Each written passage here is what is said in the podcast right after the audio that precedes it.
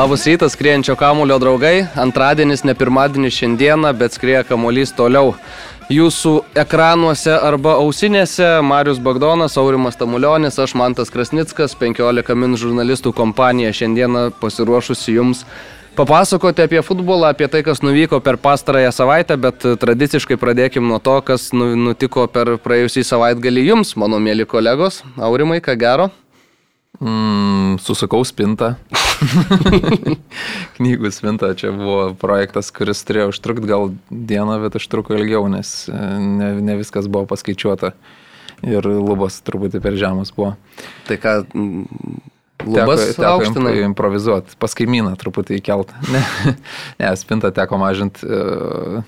Uh, Čia visas tavo vis, visa veikla savaitgalio. Jo, bet jeigu ir spintą tu... reikia mažinti, tai žinok, Nu, čia veiklos jo, yra. skamba- Čia, Tik aš skamba nežinau, prastai. džiaugiuosi, kad uh, žmona ne, neklauso skiriančio kamulio, tai kai suki spintą ir žiūri tuo metu futbolo rungtynės, tai turbūt tas našumas darbo irgi nelabai toks efektyvus yra, gal greičiau viską padarytum, jeigu visų rungtynių iš eilės nežiūrėtum tuo pačiu metu, bet, bet kai vienu metu viską darai, tai gal lėčiau užtrunka. Bet va, futbolo daug pažiūrėjau dar. um, Aną savaitgalį nepasigyriau, nepasidžiaugiau, e, sunus dalyvavo pirmose rungtynėse, tai varžybose, tai šį kartą buvo antros jau tokios draugiškos, bet praėjusį kartą ten ir turnyras vyko, ir, ir medalį gavo, visi vaikai gauna tuos medalius ten pirmos vietos, tai visi laimingi, patenkinti. taip ir ugdomas tas mentalitetas Lietuvos futbolininkų nuo mažens. Kad...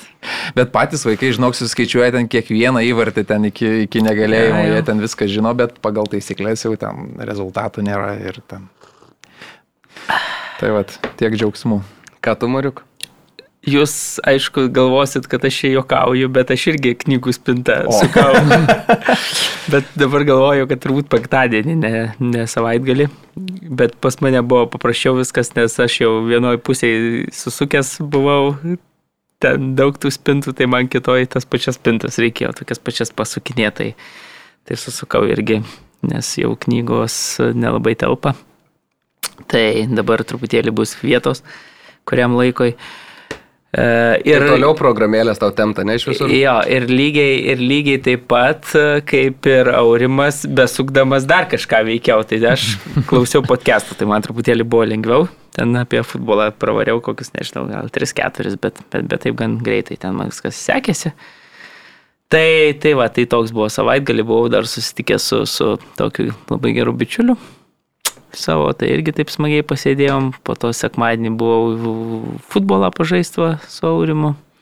Su presu. Susirinko šį kartą? Jo, susirinko Bet visai. irgi taip jau ant minimalių ten pajėgų. Buvo daug ploto, galėjau. O jūs dalyvavote tose rungtynėse įspūdingose, kurios buvo 87 minutę sustabdytos preso?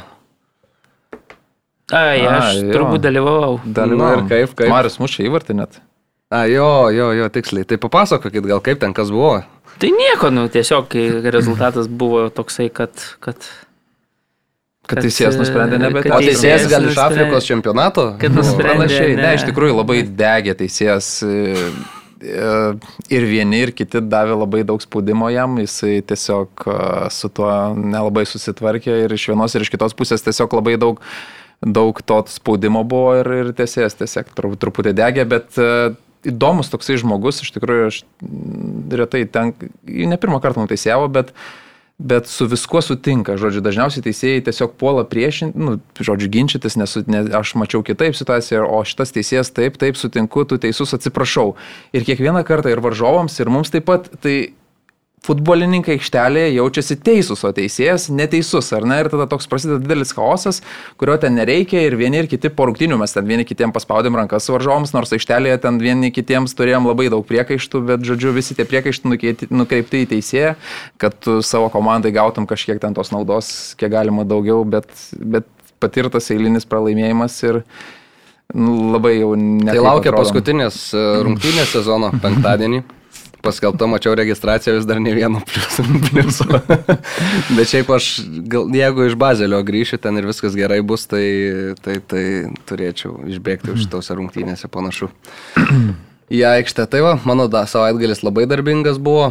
Teko prie darbų visą jį praleisti nuo ryto iki vakaro abi dienas, bet užtat vakar apsilankiau. Ne, vakar apsilankiau uh, Helovino miestelį labirintų parke. Tai toks įdomus dalykas, nebuvau niekada buvęs, tai jeigu kas turit e, noro būti išgazdinti ir biški pasikelt adrenalino, nes pasižiūrėjau, pulsas ta, tuo laiku buvo užkilęs ten ne, nereguliariai. Kur kas čia pastoja matuoja tą pulsą? Čia išmanus laikrodis. Taip, taip. Ir kiek buvo pakilę? Na, apie šimtą laikėsi viso, viso to e, vizito metu. Tai va, tai, tai geras dalykas, nuo iki šešių su vaikais galima vykti, po šešių tai nebent jeigu vaikam labai norit kokią nors traumą įvaryti, tai tada irgi siūlau apsilankyti, nes, nu, blemba, baisoka tikrai ten būna.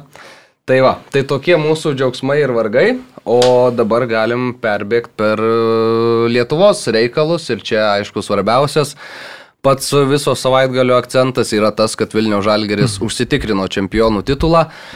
Užsitikrino jį rungtynėmis prieš Hegelmaną. Šiaip beje, mačiau kolegos iš Delfio dar anksčiau tą titulą įteikė Žalgiriui, po to, kai panevežys nelaimėjo prieš, prieš Telšių džiugą, bet paskui pasitaisė kiek, kiek teko pastebėti, nes jau tada ir aš taip susimaišiau ir galvoju, blemba, tai jau jie čia dabar tikrai čempionai, bet tada taip ir taip skaičiuoju, nu dar ne. Auksinių rungtynių tiesiog. Nu taip, taip, bet tai džiugo su panevežiu rungtynės nenulėmė ne tų, to žalgerio triumfo, nulėmė pat žalgeris, žalgeriui reikėjo sužaisti arba lygiosiom, arba laimėti. Aišku, na, ne šį savaitgalį, tai, tai kitą, ne kitą, tai dar kitą. Čia Žalgeris faktas, kad būtų tą čempionų titulą pasiemę, bet dabar pagaliau tą taurę jau galėjo iškelt. Rungtynės įdomios, rungtynės tokios atkaklios, iš pradžių praleido įvartį Vilniaus Žalgeris, Armanavičius puikius smūgius iš toli. Pasiuntė kamolį į vartus, bet paskui du įvarčiai krito, vėl pasižymėjo ir Donatas Kazlauskas, ir Matijasas Ojavusi antrajame vėliau jau kelinyje. Žalgeris tą pergalę iškovojo ir titulą šventė, pamėtė į viršų ir Vladimirą Čiaburiną, pamėtė į viršų ir Vilmą Venslovaitinę. Tai vyrai, kaip jums tos rungtynės ir, ir žiūrovų, kas e, įdomu, kad susirinko jau šiek tiek daugiau negu į eilinės lygos rungtynės vis tiek buvo ir mačiau ir nemokamas įėjimas. Ir galim, kad būtų galima titulą atšvesti ir tas titulas galiausiai nutupė Vilniuje, tai kaip jums visas tas vakaras? Na, aš dar gal pradėsiu nuo pradžių visą šią savaitę mašinoje važinėjant e, po miestą, vaikus vežiojant arba šiaip e, sukosi anonsas TV6 kad e, šių rungtynių, tai visi vadžinojom, kad auksinės laukia rungtynės, bet televizija, kuri transliuoja tas rungtynės, nežinojo, kad čia auksinės, tai jas kvietė maždaug taip, kad Vilniaus Žalgeris, kuris užima pirmą vietą, privalo rinkti taškus, kad tos pirmos vietos neprarastų. O Hegelman, kuris vejasi pirmąją vietą, privalo irgi laimėti, kad, kad, kad dar išlaikytų kažkokią intrigą. Tai, žodžiu, keista ir, ir tikrai labai taip nesmagu turbūt, kai kiekvieną kartą šypseną sukeldavo išgirdus tą anonsą. Ir iš tikrųjų, to, tų anonsų buvo daugiau gal šitoms rungtynėms, nežinau kodėl, bet bet buvo galima tiesiog truputį kitaip papasakoti ir gal daugiau dėmesio sulaukti tam pačiam, tom pačiom rungtynėm. Tai anonsas gal buvo rašytas prieš tris savaitės. Tai turbūt dėl to taip ir nutiko. O kalbant apie rungtynės, tai Hegelmanas turėjo ką pasiūlyti krašte, aš pamiršau pavardę. Sauza Aleksas. Jo, šitas e, įspūdingų greičių prasinešė ir turbūt e, Sauliui Mikoliūnui ne, nepatiko tas epizodas, turbūt peržiūrės. peržiūrės po sezono, kai priminės tą sprendimą, ką daryti, tai gali būti, kad paskutinėse sezono rungtynėse, nu, svarbiose sezono rungtynėse toks epizodas nutikęs, turės argumentų, ar tęsti ar netęsti karjerą, nes jeigu varžovas taip praskodžia, tai turbūt... Bet Sauza ir prieš kitą. Nu, taip, taip, bet vis tiek grėtų panašiai. Tikriausiai tai, va, tai mes irgi epizode. išeinam pas, pas veteranus, dar pasijauti greitas, bet išeini, kur 20 metais prieš tave bėga, tai supranti, kad tie, ta metų našta ir jaučiasi turbūt, kad ir kaip ten kartais atrodytų kitaip. Tai va, tai tas epizodas atrodė gerai, Hegelmanas pirmavo, bet e, Žalgiris vis tiek kontroliavo situaciją ir užlipo, įmušė ir, ir tiesiog buvo šį sezoną neįtikėtinai komanda, Vilniaus Žalgirio komanda buvo neįtikėtinai pranašesnė už visas kitas. Ir pats čia Burinas po rungtynių prisipažino, kad taip anksti nėra tapęs čempionu, aš sportinio intereso vedamas permečiau Ar kada paskutinį kartą Lietuvoje taip nutiko, kada likus dar septyniem turam paaiškėjo čempionas. Tai teko kai kurias ten datas ten tikrinti, skaičiuoti, atiminėti taškus. Tai mano skaičiavimais per nepriklausomybės istoriją nėra buvę tokia atveju, nors ten buvo ir skirtumų ir 21 taškų Kauno, Kauno dominavimo metais ten pergalės buvo švenčiami, titulai buvo švenčiami, bet kad taip anksti, likus dar septyniem turam būtų užtikrintas titulas, tai čia nu, niekada taip nebuvo.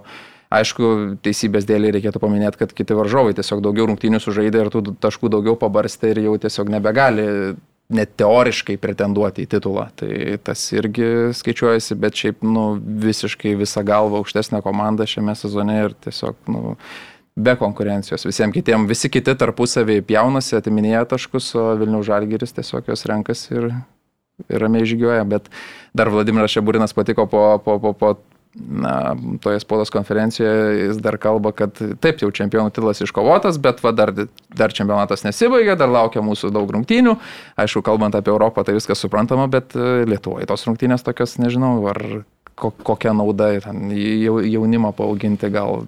Tai vad bus įdomu dabar pasižiūrėti, ar Vladimiras Čiaburinas tą jaunimą leis į aikštę, ar jis rotuos labai tą sudėtimi, nes Žinom, kad e, šitas treneris yra toks, kuris, e, kuriam reikia laimėti ir nesvarbu, ar tai yra pirmo sezono rungtynės prieš tiesioginį konkurentą ar prieš paskutinę sezono rungtynės turint titulą kišenį prieš Jonalą. Tai Vladimiras Čiaburinas mėgsta e, tuos savo lyderius turėti aikštėje, mėgsta tuos kertinius bent jau žaidėjus turėti aikštėje, kurie ir šiaip traukia tą visą komandos vežimą, nemėgsta išbalansuoti komandos na, tokia jo taktika ir ta, tos laiminčios taktikos kritikuoti, aišku, nelabai ir įmanoma. Kažkiek galbūt norėtųsi to daugiau jaunimėlio aikštėje, bet, nu, yra kaip yra. Kaip tau, Mariuk, Žalgerio triumfas tas, sakykime, toks tik jau formalumas padarytas. Dar prieš Marijų pradedant kalbėti, dar įdomi detalė spaudos konferencijoje, tai žinom, kad Vladimiras Šeburinas visada turi vertėją dėl anglų, lietuvių, rusų kalbos, tai šį kartą vertėja buvo vykdančioji direktorė Vilnių Žalgirio. Ne pirmą kartą, beje, kai Vladimiras Šeburinas tik stojo prie Žalgirio vairo ir buvo pati pirma jo treniruotė dar pripučiamam manėžė, tada irgi Vilma Venslovaitinė vertėjavo, labai jaudinosi, sakė prieš šitą savo iššūkį vertėjos. Bet susitvarkė tada. Jo, ir dabar, dabar gyrė, jo, jo. Tai... O dabar tai pati ėmėsi iniciatyvos, pati savo norų prisėdo, pakomentavo, netgi kartais pertraukdavo trenerį, kartais savo nuomonę tai. patikslindavo, geras žodis patikslindavo, atsiprašau, nepertraukdavo. Jo, tai, tai toks įdomus vaizdelis, aišku, bet, bet viskas gerai, šventė didelė, visi patenkinti, ir galių nemažai susirinko palyginus, kai, kai tokio oro vis tiek jau visi tos. Aš šventė žinojo, kad jinai bus. Aš irgi norėčiau pagirt pirmiausia Aleksą Sauzo iš vis pastarąją atkarpą, kaip jisai žaidžia. Čia jūs tik tai taip trumpai paminėjot, bet, bet tikrai sutinku su tavimi man tai visiškai, kad na, A lygoje tai yra labai išskirtinis žaidėjas krašte ir, ir savo tom greičio savybėm, na, na tikrai ir, ir kokią jis pažangą padarė per tuos e, mėnesius. Hegelmanė yra dar labai jaunas žaidėjas, tai Hegelmanas, manau, kad, na, žvelgdamas į ateitį tikrai gali gali net ir turbūt uždirbti, jeigu nežinau, kokios ten sąlygos sutarties su juo yra, bet, bet, bet jeigu to, taip toliau tobulės, tai tikrai perspektyvus labai geras žaidėjas ir vėl turbūt reikia sutikti vėl su Andrium Skerla, kuris, na, po rungtynių vėl tą patį pakartojo, ką ir po taurės rungtynių, kad, na, tiesiog atrodo žaidžia dvi lygios komandos bet tiesiog vieni sugeba savo progas realizuoti, ir, o kiti nesugeba jų realizuoti. Tai vėlgi, jeigu prisiminsim tą lemiamą įvartį, kurį mušė, tai vėl fantastiškas pavėličiaus perdavimas, fantastiškas užbaigimas ir, ir, ir atrodo tokios smulkmenos, bet jos e, visada tose tarpusavio rungtynėse, žaidžiant e, Vilniaus žalgeriui su tais artimiausiais persekėtojais, na, baigėsi tuo, kad, kad tuo vienu įvarčiu žalgeriečiai įmuša daugiau ir galiausiai čempionų titulą užsitikrino taip labai anksti. Jo, tai sveikinam Žalgirį, linkim sėkmės, aišku, ketvirtadienį, labai labai svarbios rungtynės e, prieš Bazelį išvykoje konferencijų lygą ir ten būtina pagriebti taškų, būtina iškovoti bent jau lygesias, aišku, pergalė labai sveikintinas rezultatas būtų, bet bus faktas, kad super sudėtinga, Bazelis kažkada galvojom, kad galbūt tos rungtynės jau nelabai kalems bus ten toli priekyje pabėgęs, visiškai nėra pabėgęs. Bazelio klubas į tą priekį ir jiem taip pat reikės gero rezultato. Tai žiūrėkit, aišku, ir mūsų ketvirtadienio laidą. Žalgirio mūšis, ten pasikalbėsim jau konkrečiai apie tas rungtynes, apie tai, ko reikia žalgirio, apie tai, kas laukia žalgirio. Tai va, kaip visada, ketvirtadienį ryte, rungtynių dieną, ta mūsų laidelė pasirodys eteryje. Na, o ką, Vilniaus Žalgeris antrą savaitgalį išėlės nugali Hegelmaną, antrą savaitgalį išėlės nugalėjęs Hegelmaną iškelia taurę į viršų. Tai Armanavičius per pertrauką dar sakė, kad labai norisi sugadintą vakarėlį Vilniuje, bet vakarėlio Vilniuje nepavyko sugadinti šiemet iš esmės niekam. Ir labai pelnytai čempionais tampa Vilniaus Žalgeris. Aišku, galime sakyti, kad tokios tendencijos yra labai realios ir kitą sezoną, ir dar kitą sezoną, ir dar daug sezonų į priekį, nes matom, kad tos komandos, kurios yra po Vilniaus žalgirių, jos yra labai smarkiai atsilikusios viskuo. E, tiek ir finansais, tiek ir, aišku, nuo iš finansų ateina ir žaidėjai, bet ir šiaip, na, sprendimais ir, ir visais kitais dalykais. Tai Tai va, tai reikia tikėtis, kad kažkada sulauksim tos konkurencijos Vilniaus žalgiriui, nes kai tokia lyga yra nekonkurencinga, sakykime, kai tas vienas žirgas yra labai toli priekyje, aišku, galim ieškoti intrigų kovojant dėl europinių pozicijų, bet, na, europinės pozicijos tai nėra čempionų titulas, dėl kurio tu kovoji visą sezoną, tai matysim, aišku, dar kaip pasibaigs ir tie dalykai, o tie dalykai sunkiai klostosi tom visom vir, turnelė, turnyrinės lentelės viršaus komandam. Suduva žaidė su Jonava ir nugalėjo Jonava 1-0. Matulevičiaus perdavimas, Kondrakovo įvartis, bet tai tik antrajame kelinyje. Išleido šešis ukrainiečius ir penkis lietuvius kušlykas į aikštę šitose rungtynėse. Argentiniečiams jau parodytos durys yra Jonavos klube pagaliau. Bet, na, neprideda, aišku, garbės jau nesusigražinsi. Viską, jau kiek, kiek apsišikai šitam sezonė, tai jau ne, neišsiplausi tikrai. E, važiuosi į pirmą lygą ir ten pasižiūrėsim, ką Jonava galės parodyti kitą sezoną, bet na, Suduva nuėmė visų pirma Migelį Moreirą. Čia buvo toks sprendimas priimtas su Marijampolėje ir kaip jums atrodo, logiškai pasielgė e, Murauskas ar Murauskai, sakykim taip, šituo atveju ar ne? Kaip tau atrodo, Mariu? Ai, man atrodo, kad nežinom mes visų tų detalių, nežinau, tu gal iš, iš Marijampolės klubo stovyklos, gal kažkokias ten nuotaikas žinai ir taip toliau. Prastos bet, buvo nuotaikos aplink Migelį Moreirą. Na nu, taip, bet va, Migelis Moreira turbūt akivaizdu, kad na, visada klube, ar tai būtų riteriai, ar, ar dabar Marijampolės suduvana aplink save tą tokią aurą kūrė nelabai kokią ir akivaizdu, kad tai nebuvo žaidėjų treneris, mm. ne, kad ir kur bebūtų, akivaizdu, kad na, atvykęs iš tokios futbolo šalies, iš Europos čempionų neseniai buvusios šalies. neseniai Išsitraukė iš švendro. Tai, tai, tai, tai, va, tai atvykęs iš tokios šalies, na, akivaizdu, kad specialistas, na, čia atvyko, kaip, nežinau, turbūt įsivaizduoja į trečia rūšė kas, kažkokią šalį. Kur save, dabar... to, save tokį profesorium tikriausiai laikė. Turbūt, kur, kur, kur tuos futbolininkus reikia mokyti, reikia, nežinau, mokinti futbolo abicelės turbūt tą vaizdą, kurį jis matė. Lygoje, na, tas vaizdas turbūt, kad nėra labai įkvepiantis ir taip toliau. Na ir tada galiausiai viskas baigėsi dar vėl su tuo konfliktu, su, su, su atsimenam, su riteriu savininku, tada dabar turbūt vėlgi na, žaidėjai nepatenkinti turbūt, kažkokia trintis jaučiasi. Tai, tai jeigu tikrai, kaip tu sakai, tas fonas aplink klubą, aplink rūbinėje na, buvo neigiamas, tai na, turbūt, kad šitas sprendimas yra logiškas ir, ir vėlgi turbūt padarytas toks sprendimas, na, bandant dar išgelbėti tas europinės pozicijas. Dabar dar niekas neprarasta, tiesiog reikia pafinišuoti uh, sėkmingai toj kelių rungtynių atkarpoje. Žinom, kad na, trenerio pakeitimai dažniausiai bent kelioms rungtynėms tokio būsto prideda. Dažnai, dažnu atveju, tai, tai manau, kad Murauskai dabar prieėmė šitą sprendimą irgi tikisi, gali būti, kad na, to vienų, dviejų rungtynių net užtektų, kad, kad, kad vėlgi tose europinėse pozicijose Suduva finišuotų ir, ir galiausiai nugvelbtų tą europinį kelialapį. Taip, dabar Suduva yra trečioje vietoje su 54 taškais.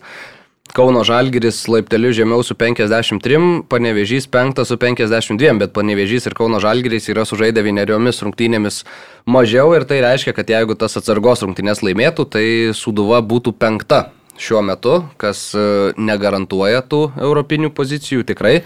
Marijam Poliečiam, bet ir iki sezono finišo dar, dar lieka tų rungtynių, matom panevežys, prie kurio galim dabar pereiti, nuvažiavo į telšius ir sužaidė 0-0 su telšių džiugu. Tai pabarstyti labai svarbus taškai, taškai, kurių tikrai planuose nebuvo, kad galima ten paberti, bet, na, progas, kurias susikūrė, reikia įmušti. Ir čia vienintelis moralas, man atrodo, po šitų rungtynių, nes panevežys šansų, kiek turėjo, tai galima skaičiuoti, nežinau, abiejų rankų pirštų neužtektų, virš 20 smūgių atliko per visas rungtynės ir galiausiai vis tiek 0-0 jos pasibaigė. Ir mes galim prisiminti, pa, pavyzdžiui, panevežio irgi tą sprendimą prieimė tai, treneriai, pakeitė, atėjo Džino Litierė, ne, nors buvo visokių tokių gandų, kad, kad gali Marius Tankievičius sugrįžti į gimtąjį miestą, buvo buvo, kad Donatas Vincevičius gali stoti prie komandos vairo. Na, galiausiai pasirinko tokį žai, trenerį su tokiu turtingu CV. Anot klubo vadovų, na, tokio trenerio gali būti kitą kartą, kad nepavyks paimti panevežiui. Sprendimas buvo padarytas, atvažiavo strategas, na, bet kol kas atrodo, kad, kad tos tų nuotaikų pakelti nepavyko, komanda tikrai Jeigu dabar man taip reiktų spėti, sakyčiau, kad, kad liks už tų europinių pozicijų ir bus e, penkta, bet, bet visko gali būti. Iš vis dabar taip atrodo Kauno Žalgeris ramiausiai dažnai mm. labai ilgą laiką jo degės. Ilgą mm. šeštoje vietoje taip e, ramiai, kadangi rungtynių buvo mažiau sužaidęs, taip tūnojo, tūnojo ir dabar vat kelis laimėti susitikimai dvi šėlės pergalės lygiosios ir dar prieš tai pergalė per keturis mačius surinkti 10 taškų ir štai jau dabar atrodo, kad na, pagal prarastus taškus turbūt kauniečiai dabar yra ta antroji komanda, kuri geriausius šansus turi laimėti sidabro medalius. Taip, ir tvarkaraštis, man atrodo, Kauno yra dar ten vos nepalankiausias iš visų. Turbūt sudėtingiausias tvarkaraštis yra Kauno rajono Hegelmanui, nes jo, reikia jo. žaisti e, su visais e, tais, e, kaip čia sakyti, konkurentais, vis, konkurentais visais jo. pirmos lentelės pusės varžovais. Tai, tai. Tai va, ir sutapimas ar ne, bet Kauno Žalgerio vadovai kažkokių ten drastiškų sprendimų nesijėmė vidury sezono ir ir žiūrės. Na jūs jau čia irgi garastą man jo, jau primiktinai. Jo, tas ir aš dabar žinau, po, po šitų rungtynių su vat, laimėtų.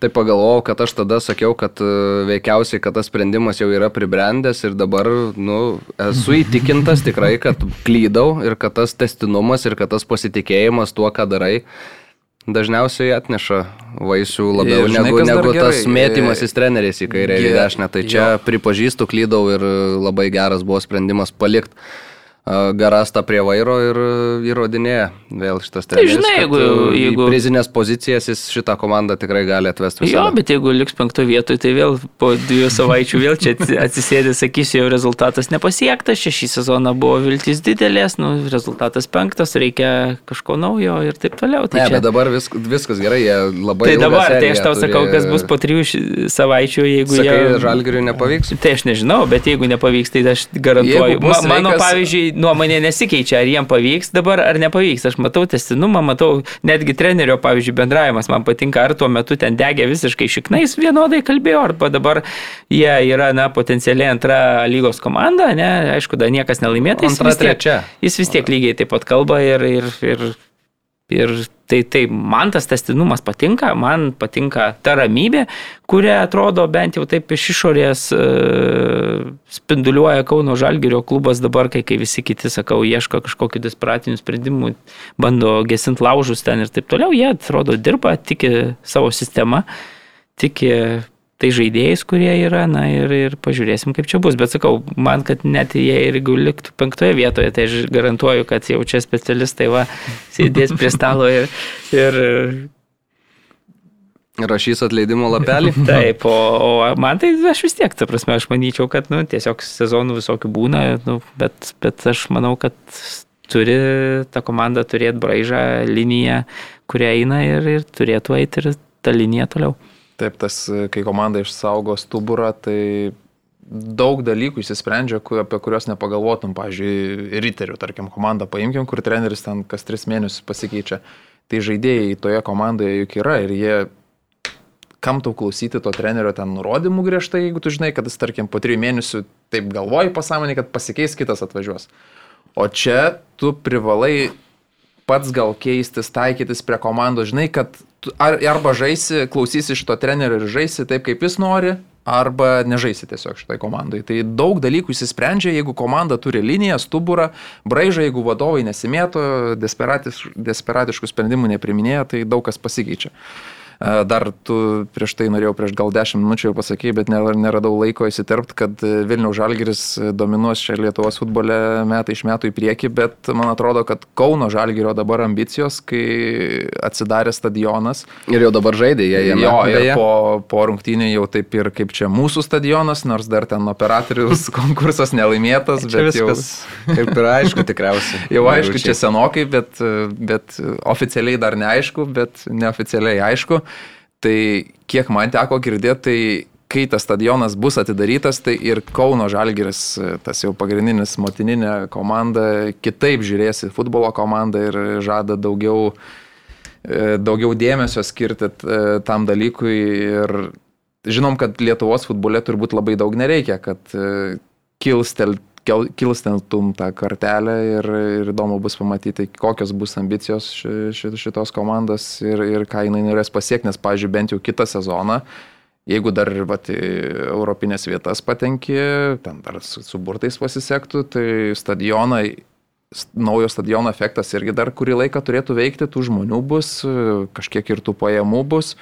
E, turi tokį klubą šalia, kuris renka po 15 tūkstančių žmonių kiekvieną kartą ir turi ir galių bazę tiesiog milžinišką, tos pačius socialinius tinklus gali išnaudoti, krepšininkus įtraukti, pritraukiant prie futbolo.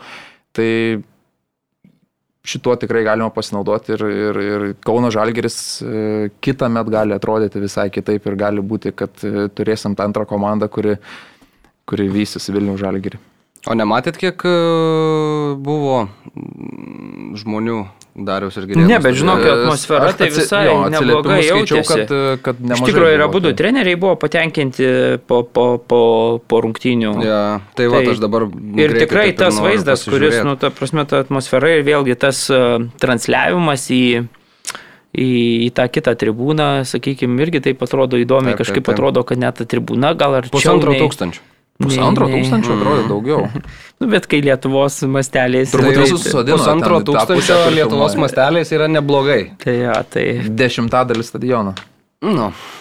Bet tai, žinai, žaidži su šiauliais, ne, neatvažiuoja kažkoks vardas. Ne, bet ir girdėjausi, tai... ta prasme, girdėjausi tas ir sakau, ir, ir ta transliacija atrodo, taip, tų kamerų žymiai mažiau nei per tą taurės mačą, viskas, bet netrodė prastai mhm. tas vaizdas, kurį, kurį taip, mačiau. Taip. Ir, Taip, ir paskutiniosios šito lygos turo rungtynės - riteriai su banga. Penktadienio vakarą visiškas futbolo spektaklis buvo surinktas Vilniuje. Bilonogas du kartus mušė, banga du kartus lygino iš pradžių Vėžiavičius. Praėjus minutiai nuo pirmojo Bilonogo įvarčio, vėliau per pridėtą laiką jau riteriai veržėsi į priekį, ten smūgių nuo skersinio ir atrodė, kad nu jau viskas, jau bangai kaip ir išsprūdo tas e, taškas iš, e, iš rankų, bet e, smūgis į vartus, baudos aikštelėje, ranka pakelta, teisėjas pastato baudinėlį, dešimtą pridėto laiko minutę, na šimtąją rungtynių minutę iš esmės. Banga muša tą įvartį ir prašau, Eduardo išplėšė tą taškelį ir riteriam. Nu, šita, šitas pralaimėjimas yra super skaudus. Dabar šešta vieta.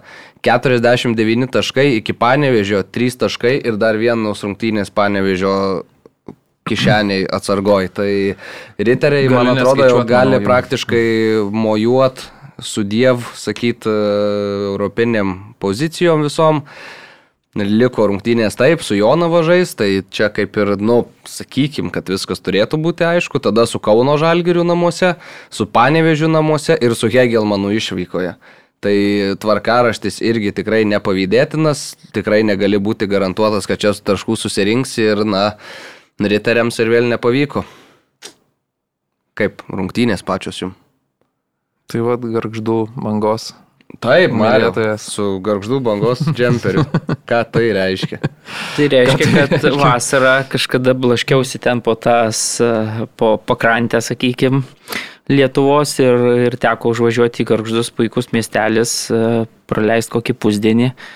Turėjau laisvo laiko, išgėriau kavos vienoje kavinėje, kitoje, nuėjau į tokią su kavinę knygyną, posėdėjau, nusipirkau vietinį laikraštį. Sakė, ar jūs norit paskaityti, ar jūs pirksit. Sakiau, pirksiu vietinį laikraštį, paskaičiau, pažiūrėjau, ar apie sportą rašo, apie sportą nieko nebuvo. Tai va, po to dar truputėlį turėjau laiko, nu ir galvoju, reikia jau aplankyti Meka. Meka vis tiek, garždai futbolo miestas ir taip toliau. Ir taip e, tą kavos daug ten išgėriau, kokius 3-4 puodelius ten per tą, per, per tą pusdienį laisvą. Na ir, ir galvoju, tai dabar taip užsibrėžiau savo tikslą, galvoju, įdomu, kaip veikia, pavyzdžiui, ar įmanoma jau tokiam futbolo mieste nusipirkti, tarkim, atributikos. Ne? Nu ir ką, nu įvažiuoju į stadioną, ramiai apeinu ten, taip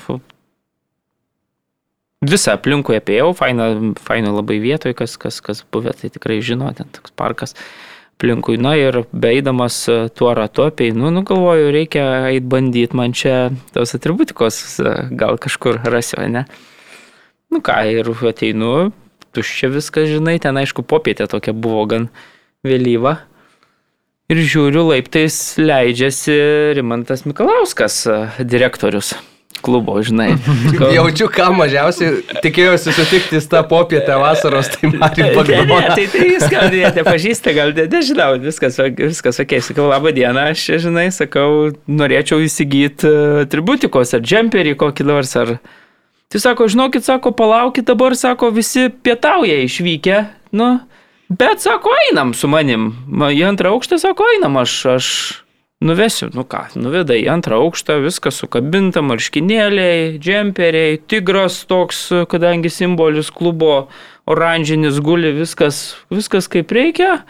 Pasimatau, davė pasimatuoti, aš taip iš rankų pažiūrėjau, vieną sakau, ne, gal šitą, tai matuokitės, matuokitės žmogus, viską taip nuoširdžiai, viską pasimatavau, čiukštų užsidėjau, vienas netiko, antras tiko, išėjau, kuo puikiausiai. Kiek galvoja džemperis su garždų bangos? 30 ar 35 dabar tiksliai, ne, ne, ne, ne. Tai va, tai, tai va, ir kuo puikiausiai, ir, ir jau galvojau, kad kažkada pasipuošiu vos ne kitą ten tą savaitę, bet kažkaip taip ne, nesigau, bet labai patiko visas. Tai dabar į kitus miestus irgi bandysiu nuvažiuoti, kada nors prie progos niekam nesakęs ir pažiūrėsiu, kaip ar ta pati sistema veikia ar neveikia. Žodžiu, Marijos mažasis tyrimas. Vis papasakosi rezultatus, ar ne? Jo. Tai dabar kita stotelė, tikėčiausi, būtų Jonava.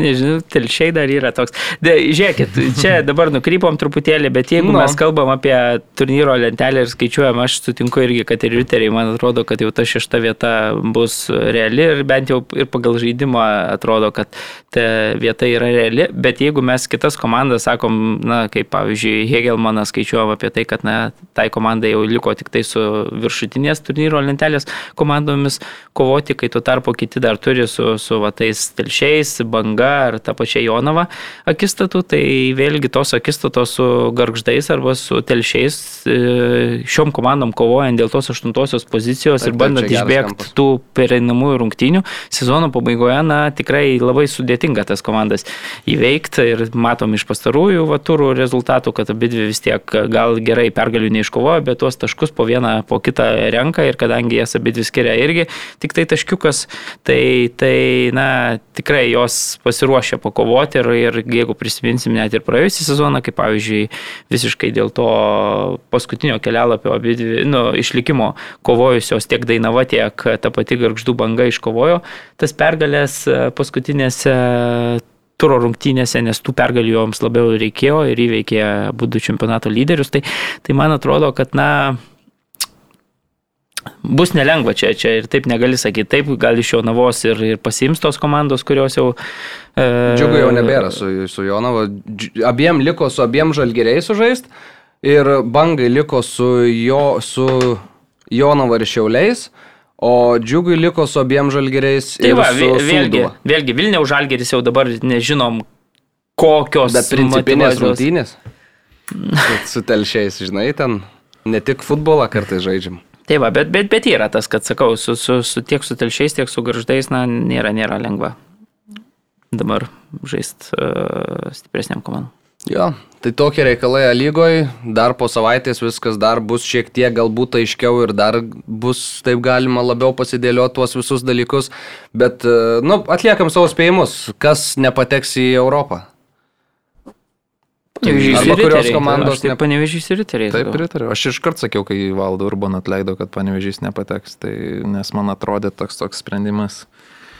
E, sunku, čia galim ir su krepšiniu ieškoti paralelių, kai praėjusią sezoną Kauno Žalgiris, kuris jau Lietuvos krepšinėje turi pinigų daugiau negu visi kiti sudėjus, tik šiame sezone ta pusiausvėra truputį pasikeitė, bet iki šiol tai, tai būdavo, tai kai tris trenerius pakeitė per sezoną, tai taip išsibalansuoja komanda, kad sugeba nepatekti į finalą pirmą kartą istorijoje. Tai taip, ten vienoms rungtynėms gali duoti motivacijos ten tas pasikeitimas, bet man atrodo ilgalaikė vis tiek komandai reikia, nu, komanda 11 žaidėjų minimum aikštelė, o dar visi ten kiti treniruotėse, tai turi būti darnus mechanizmas, tai negali būti kratinys, tai ne visų žvaigždžių rungtynės, kur tu susirinkai ir gali žaisti. Tai... Ja. Pritariu šiaip jum dėl, dėl panevežio ir riterių, tik tai man neramu dėl Marijampolės suduvos, nes dabar Miguelis Moreira yra atleistas, Matijus Silva pastatytas prie vairo, 30 metais e, Portugalas, vėlgi neaišku kaip ir kas ir ar naujo trenerio, na, kiek suprantu, neieškos jau tikriausiai iki sezono pabaigos suduva, tai tokiu, na, iš esmės tuo bagažu, kurį dabar turi, reikės ištemti iki, iki pabaigos ir nebus tikrai lengva ir Marijam Poliečiam čia šitam likusiam sezono etape, nes matėme rungtynės su Kauno Žalgiriu, kur visiškai be variantų buvo Marijam Polė suduvai, matėme rungtynės su Jonava, kur irgi išsitraukė iš esmės tą vieną nulį Marijam Poliečiai. Tai panevežys taip šiuo metu, bet aš sakyčiau, kad kažkiek ir nemažai šansų duodu, kad gali būti ta komanda ir Marijampolė Suduva. Tai va, o baigiam su Lietuva. Ai, baigiam galbūt su tuo, kad Valdas Dambrauskas veikiausiai turi naują karjeros stotelę, ar ne, Mario, papasako, kaip ten ir kas ten, kur suka Dambrausko karjera. Tai Kretos Sofijų klubą suka turbūt jau, mm, kaip čia vieša paslaptis, Herakliono oro uoste nufotografuotas. Buvo treneris e, Graikijos žiniasklaidos su savo asistentu Skinderiu, jo sunumi irgi atkeliavo. Tai, tai ta nuotrauka yra, akivaizdu, kad, kad klubas, visa žiniasklaida, net ir kai kurie jau oficialiai pranešė šaltiniai. Tai bus įdomu, vienintelis e, Kretos klubas Graikijos čempionate. Kol kas sezonas prasidėjo nelabai gerai, per 8 turus sukrapštė 5 taškus, užima 12, man atrodo, vietą, jeigu gerai atsimenu. 14, ar ne? 13. Ai, iš 13. Iš 13. 14, liktai žinau. Aš vakar rašiau tą tekstą. Tai gal blogai prašai. Nežiūrėjau į lentelę. Trečias nuo apačios. Tai 14. Nu gal. tai va, tai nesiniai atleido treneriai dėl, dėl, dėl šitų rezultatų ir ką žinau, nu, įdomi karjeros statelė, žinom, 14. kad 14. Žinom, kad Gerai parašy. dirbt, dirbt nebus vėl turbūt akivaizdu lengva, Graikija žinom, kad, kad ten ir klubų savininkai yra tokie truputėlį karštokie ir tuos e, Dar ten Staigius- savininkas toks iš Am- Amerikos graikas. Ten, Staigius tai posūkius priima. karštis. Šiaip kiek teko girdėti, man atrodo, Vykintas Livka yra pasakojęs, kad, kad na, Graikijoje yra toks prestižas tiem verslininkam turėti savo klubus ten, jeigu koks nors didesnis kokios įmonės vadovas, tai jam na, tiesiog lygis yra turėti futbolo klubą ir jau tenai tie susirinkimai, tie jau pokalbiai, ten, nežinau, jų vyksta jau tarp savų dėdžių ir, ir taip toliau, tai koks tu esi verslininkas, jei tu futbolo komandos neturi. Tai, tai, tai, tai va, tai nu, akivaizdu, kad, kad, e, sakau, yra gerai turbūt tai, kad tai yra tai vienas Kretos klubas, žinom, kad Kreta na, nemaža sala ir, ir, ir vėlgi jisai vienintelis iš ten yra aukščiausioje lygoje. Nu, Bus matyt, e, kaip ten seksis, e, nežinau, šiaip istorinių kažkokių didelių laimėjimų nėra. Komanda iškovojo 75 metais, man atrodo, Sidabro medalius yra iškovojusi vieną kartą aukščiausioje lygoje ir 76 metais laimėjo taurę. Tai, tai reikia palinkėti sėkmės valdui, nežinau, oras turbūt bus geras, gyvenimas geras, mėgsta, kaip matomai treneris tą, nežinau, viduržėmio pakrantę. Tai, Tai, tai viskas yra gerai, bus faina turbūt vieta nuvažiuoti, kažkada aplankyti gal, gal pažiūrėti, kaip jam ten sekasi ir dirbti ir, ir jo komandai žaisti. Na ir reikia tikėtis, kad, kad e, kilstels tą kretos komandą į priekį ir, ir ką gali žinot, šiaip valdas visada su klubais, kuriais yra dirbęs iki šiol, na bent jau iki medalių atvesdavo visas komandas, tai aišku, čia iššūkis su šitu klubu, žinant, Titulą kokią konkurencingą. visada, Su Udo Goret sulaimėjo kažką? Taip, Laimėjo. tai Tai čempionų visada tapo. laimėdavo kažkokį titulą. Turbūt ir tai, tai, tai Jo. va, tai iššūkių tikrai čia toks, turbūt jeigu taip žvelgiant pagal šitą kriterijų, tai karjeros iššūkis mm. turbūt pats sudėtingiausias, bet vėlgi, na, su Gorica nelaimėjo titulo. Taip, taip. Tai va, tai, bet, bet bus įdomu, bet reikia pasakyti, kad vėlgi Gorica prieėmė į savo rankas, na, kai jis buvo ten penktas, šeštas klubas, jis atidavė, kai, kai trečias buvo, mm. kai pastraukė. Tai, tai Dabar vos iš, dėl išlikimo kovoja. komanda. bus matyti, sakau, tikrai iššūkis nemažas, bet, bet reikia palinkėti sėkmės Jo. ir, ir Gal man tik tas, kad e, kažko, na, toks kaip e, vis tiek norim, kad Valdas Dambrauskas tą karjerą savo keltų vis į viršų po kiekvieno žingsnio, tai buvo Ludogoretsas, na vis tiek stipriausia komanda šaly, tada buvo Splito Haidukas, populiariausia Kroatijos komanda ir, na, antra, sakykime taip, šiuo metu, dabar į Graikiją ir į, sakykime, tokį vidutinioką, tai toks, na, Nu, vidutiniokas dar taip.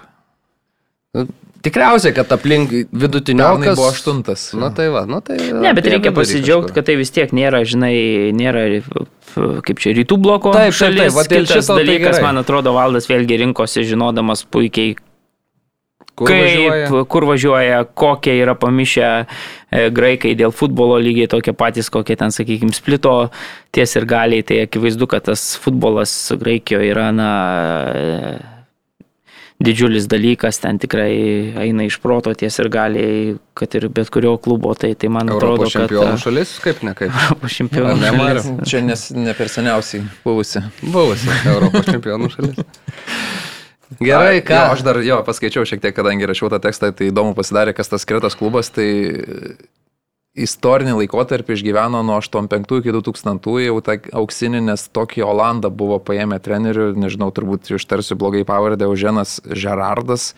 Tai jis tą komandą ten buvo iškėlęs vat, iki vicečempionų titulo, laimėjo ir taurę ir kai jis 2000-aisiais paliko komandą, jis paliko ją kaip ketvirtą, bet nuo tada Kretos komanda niekada ir Europos e, turnyrus nebeiškeliavo, nebepateko. Ir 2015 iš viso buvo bankrutavusi ir nugarmėjusi iki mėgėjų net lygos, e, bet galiausiai ten buvusių garsių komandos futbolininkų prikelta ir Ir dabar priklauso graikui, Amerikos, žodžiu, kilmė, ne, graikų kilmės amerikiečiui, e, Michaelis Bausis, savininkas, tai įdomu, kokios jo ambicijos turbūt vis tiek valdui, tai irgi rūpėjo. Man, man iš tikrųjų keistas toks sprendimas eiti realiai į outsiderių komandą Graikijoje, bet e, turbūt e, ta komanda turi ambicijų kilti aukščiau. Galbūt tikriausiai tai bus kažkoks ambicijų, projektas. tarkim, parodyti save Įdomus. Graikijoje. Arba likti toje, toje pačioje vat, zonoje, vis tiek e, rodyti save, jeigu rodysi gerą žaidimą, komanda rodys, pakils, gal kažko labai blogiau jau būti negali, o žaidžiant geriau gal tu vėl atsiras kažkur darbo vieta. Tik tais man liūdniausia, kad e, jau ne pirmas iki turi vidury sezono kažkur vykti ir gesinti tuos gaisrus ir ten gelbėti. Kas Komandos yra- savo negali susiprojektuoti pagal savo. jo, tas labai norus. sunku yra iš tikrųjų ir tu, tu, tu žaidėjų turbūt nei vieno nepažįsti, kurie žaidė tam tos kret, kretos komandos. Iš kitos pusės galim pasižiūrėti, kad iš esmės dabar jau ateina langas ir labai ilgas langas dėl pasaulio čempionato, o tada perėjimų langas atsidaro, tai kažkiek matyt, kad bus atlikta įėjimų. Aš tai bent jau aš taip įsivaizduoju, kad Valdas Dambrauskas norės kažkiek savo... Aš pozityviai vertinu, labai vieta gera, niekada aš Tai tai vieta- Graikijoje nebuvęs. Tai tu iš savo perspektyvų vertini. Man Šiaip atrodo, įdomu, nes Nebuvęs tų Graikijoj? klubų yra toks čempionatas, kuris gali aukti ir kuris ten nu, tik ar tau iki europinių vietų su tuo klubu pavyktų prisikapstyti. Šitą jau matysim ateityje, matysim kiek ilgai ir, ir kaip sėkmingai ten seksis valdui. Mes dabar šokam į reklaminę pauzę ir tada eisim prie Premier lygos reikalų.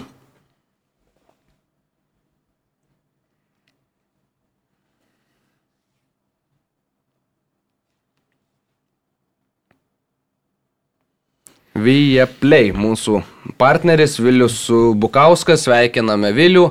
Atspėjo, kad vienas vienas pasibaigs e, rungtynės tarp Manchester United ir Chelsea komandų. Tad jam atitenka šešių mėnesių Vieplėjos prenumerata, futbolas, formulė, serialai, filmai ir visa kita, ką siūlo Vieplay. Viliui bus nemokama pusę metų, o jeigu ir jūs norit laimėti, tai atspėkit, kaip Žalgris sužais Bazelyje. Atspėkit tikslų rezultatą ir burtų keliu atiteks prizas vienam iš atspėjusių. Tai sėkmės jums spėliojant, sėkmės Vilniaus Žalgiriui, spėkit pergalę, bet na, jeigu manot, kad tos pergalės nebus, gali spėti ir kitą kažkokį tai rezultatą. O mes e, ką, keliaujam prie Premier lygos reikalų ir čia, na, visų pirma, pradėkim nuo Liverpoolio.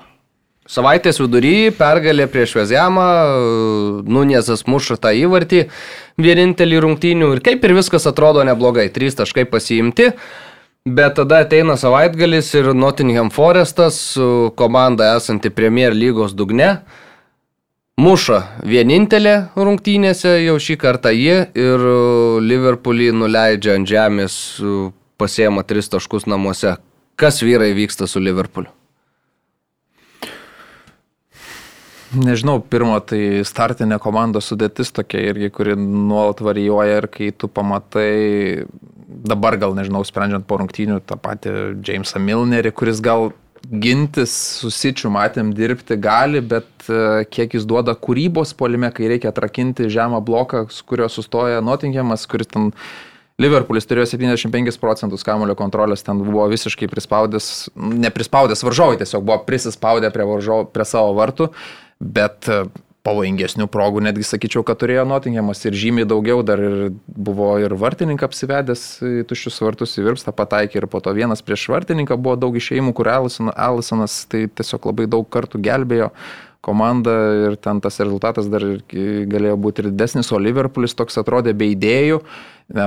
E, Salada šį kartą žaidė jau labiau to tikrojo devintojo numerio pozicijoje, bet kai varžovai nusileidžia prie savo vartų labai arti ir atiduoda tau kraštus, kad tu keltum tos kamuolius, tai Sala nelabai pavojingas galva ar ten ar, ar uždarime jisai labiau pavojingas, kai turi erdvių ir gali atakuoti. Tas pats Firmino irgi galva tau nelabai muš įvarčių, tai tiesiog viskas vyko pagal Foresto scenarių ir trenerio paruoštas, paruoštą planą, o Liverpoolis taip ir netrakino, neturėjo Tiago, kuris, man atrodo, tokios rungtynėse labai svarbus būna tie greiti, tikslus, svarbiausiai raštrus perdavimai, kad ir dažnai jie būna ir atgal, bet kartais vienas kitas ir į priekį pasitaiko, kuris suveikia ir padeda komandai. Tai šį kartą toks atrodė be tokio vieno žaidėjo, kuris viską atrakintų. Vat, pažiūrėjau, Darvinas Nunesas būtų, man atrodo, labai tikė šitos rungtynėse, būtų lipęs ant tų varžovų su savo tą tokia ne visada protingais sprendimais, bet jis būtų kėlęs chaosą ir tada tas kamuolys gali nukristi kažkam tam pačiam salą ar panašiai, o dabar viskas buvo labai taip aiškiai, akademiškai. Arba bent jau būt pabandę, nu kitaip Taip, taip, truputėlį taip, pažaisti. taip, Dabar tai taip. taip atrodo, kad na, nesiklyjavo, praleido įvartį ir vis tiek nesiklyjavo ir taip pabaigė rungtynės, na taip turėjo šansų pabaigoje ten tiek Arnoldas, tiek Vandaikas gal. Gal. galėjo mušti. Jo, ten aišku, nu jau kai, kai po kampinio tą lemiamą epizodą, kur galva pramušėjau, ten Hend- Hendersonas, na tikrai stebuklą sukūrė, ten vi- visiškai ir vietoj buvo ir, ir sužaidė nuostabiai. Ir šiaip reikia pasakyti, kad per pridėtą laiką jau Hendersonas, na tikrai fantastišką darbą atliko. Tai, tai iš kitos pusės, aš kažkiek pasteisinimo turbūt ir klopui randu, kad, na, komanda pastaruoju metu buvo labai neblogoje atkarpoje, trys rungtynės turbūt laimėtos išėlės visose frontuose, ne? Ir, nu, atrodo, vis tiek kažkiek tų žaidėjų turi parotuoti ir jeigu tu, tu žaidi prieš Premier lygos outsiderį, na, na, ten atsiranda kažkaip vietos ir, ir Milneriui tavo minėtam ir taip toliau. Tai, tai... O Nunesas nežaidė, nes trauma jam ten. Jo, tiek. tokia, ne visai jinai patirta, bet tokia prevencinė, žodžiu, ten galinė raumens. Jo. Tai, tai man atrodo toks e, keistas rezultatas, bet irgi sutinku, kad na, jisai turintis pagrindo, nes, nes atrodo, kad viskas klostėsi pagal Foresto scenarijų ir, ir Steve'as Cooperis praeitie beje dirbęs e, Liverpoolio sistemoje, na, pasiekė puikų rezultatą, antrą pergalę iš eilės, ne, ne iš eilės, o antrą pergalę šį sezoną, bet vis tiek paskutiniai vietoje lieka. Mm. Bet tai kaip Premier lyga nežavė, atvažiuoja, atvažiuoja komanda čempionų lygos vicečempionė į blogiausios e, komandos stadioną ir gauna. Ir lygos, lygos rungtynės, taip, taip. Nu, taip gerai ten. Konkurencija milžiniška tiesiog. Jo po Bet, to pakalbėsim e, apie kitus outsiderius, kurie išperka iš Ispanijos lygos e, grandų trenerį. Tai žodžiu, Premier lygoje pinigais švaistosi, tas pats Nottinghamas 22 žaidėjus pasirašė. Mačiau net ir e, memas labai patiko, jo prajuokino, kai Klopas atsistojęs ir reikia, kaip mes galim su Nottinghamu konkuruoti, kaip galim konkuruoti, jie 22 žaidėjus šią vasarą pasirašė. Tai, žodžiu, Jo, liūdna Liverpooliui, liūdna situacija, atrodo, čia jau buvo ta, ta, tas momentas, kai tu turi pasimti tris taškus ir jau krapštytis ten aukštyn toj turnyro lentelėje, bet e, ir vėl toks smūgis per veidą, smūgis per veidą klopo ambicijom visam Liverpooliui. Ir e, įdomu šiaip bus, kaip reaguos Liverpoolio na, vadovai į tokį sezoną, nes e, žinom, kad klopas ten dirba ilgai, jau berots septintas sezonas, jeigu neklystu. Ir e, vėl tu, taigi testinumas, jau sutarėm. Sutarėm, bet žinai, mes galim kalbėti vieną, Liverpoolio vadovai gali galvoti kitą, testinumas, pakalbėsim dar vėliau šiek tiek apie vieną lietuvį, kuris su testinumu irgi nelabai ką bendro surado panašu Turkijoje. Bet jo, tas e, Liverpoolio visas e, reikalas labai prastas ir man atrodo, kad e, irgi pasaulio čempionato pertrauka bus Liverpooliui tokia galimybė šiek tiek persistatyti, atsigauti, išsilaižytas žaizdas, kurios, kurios yra turimos, padirbti gerai galbūt klopui su tais, kurie liks ir neišvažiuos į rinktinės. Žinom, kad, na, kad ir tas pats Sala liks, jo nebus pasaulio čempionate, dar keli svarbus futbolininkai irgi nevyks, neaišku, ką darys Southgate'as su Aleksandriu Arnoldu metų, ar ims į čempionatą ar ne, nes toks jau, sakykime, krentantis iš rinktinės atrodo šitas krašto gynėjas.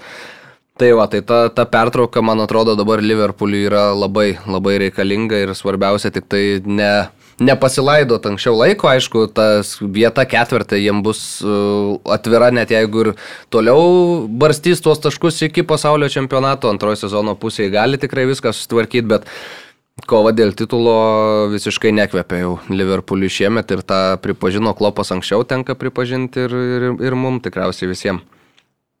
Tai va, šokam prie Man United komandos ir čia 2-0 pergalė prieš Tottenhamą. 2-0 pergalė rungtynėse, kurios, na, visiškai pelnytai buvo laimėtos Manchester United, daug geriau žaidė šitą komandą, daug geresnės progas susikūrė, turėjo įmušti ir daugiau, reikia pasakyti, nes, na, ten Rešfordas, pavyzdžiui, kai Jorisas ištraukė, nu, reikia įmušti tokius įvarčius, aišku, gerai, kad rezultatas jau tada buvo 2-0. Bet šiaip, na, ir Fredo tas įvartis, žinoma, kažkiek sėkmės, nes po Rikošeto ten kamuolys į patį vartų kompą įrėdėjo, tada Bruno Fernandešas, nuostabus smūgis irgi po Fredo, sakykime, taip pastangų didelių. Bet pergalė visiškai pelnyta, na, Tottenhamas nieko doro neparodė, kaip ir rungtynėse paskui savaitgalį.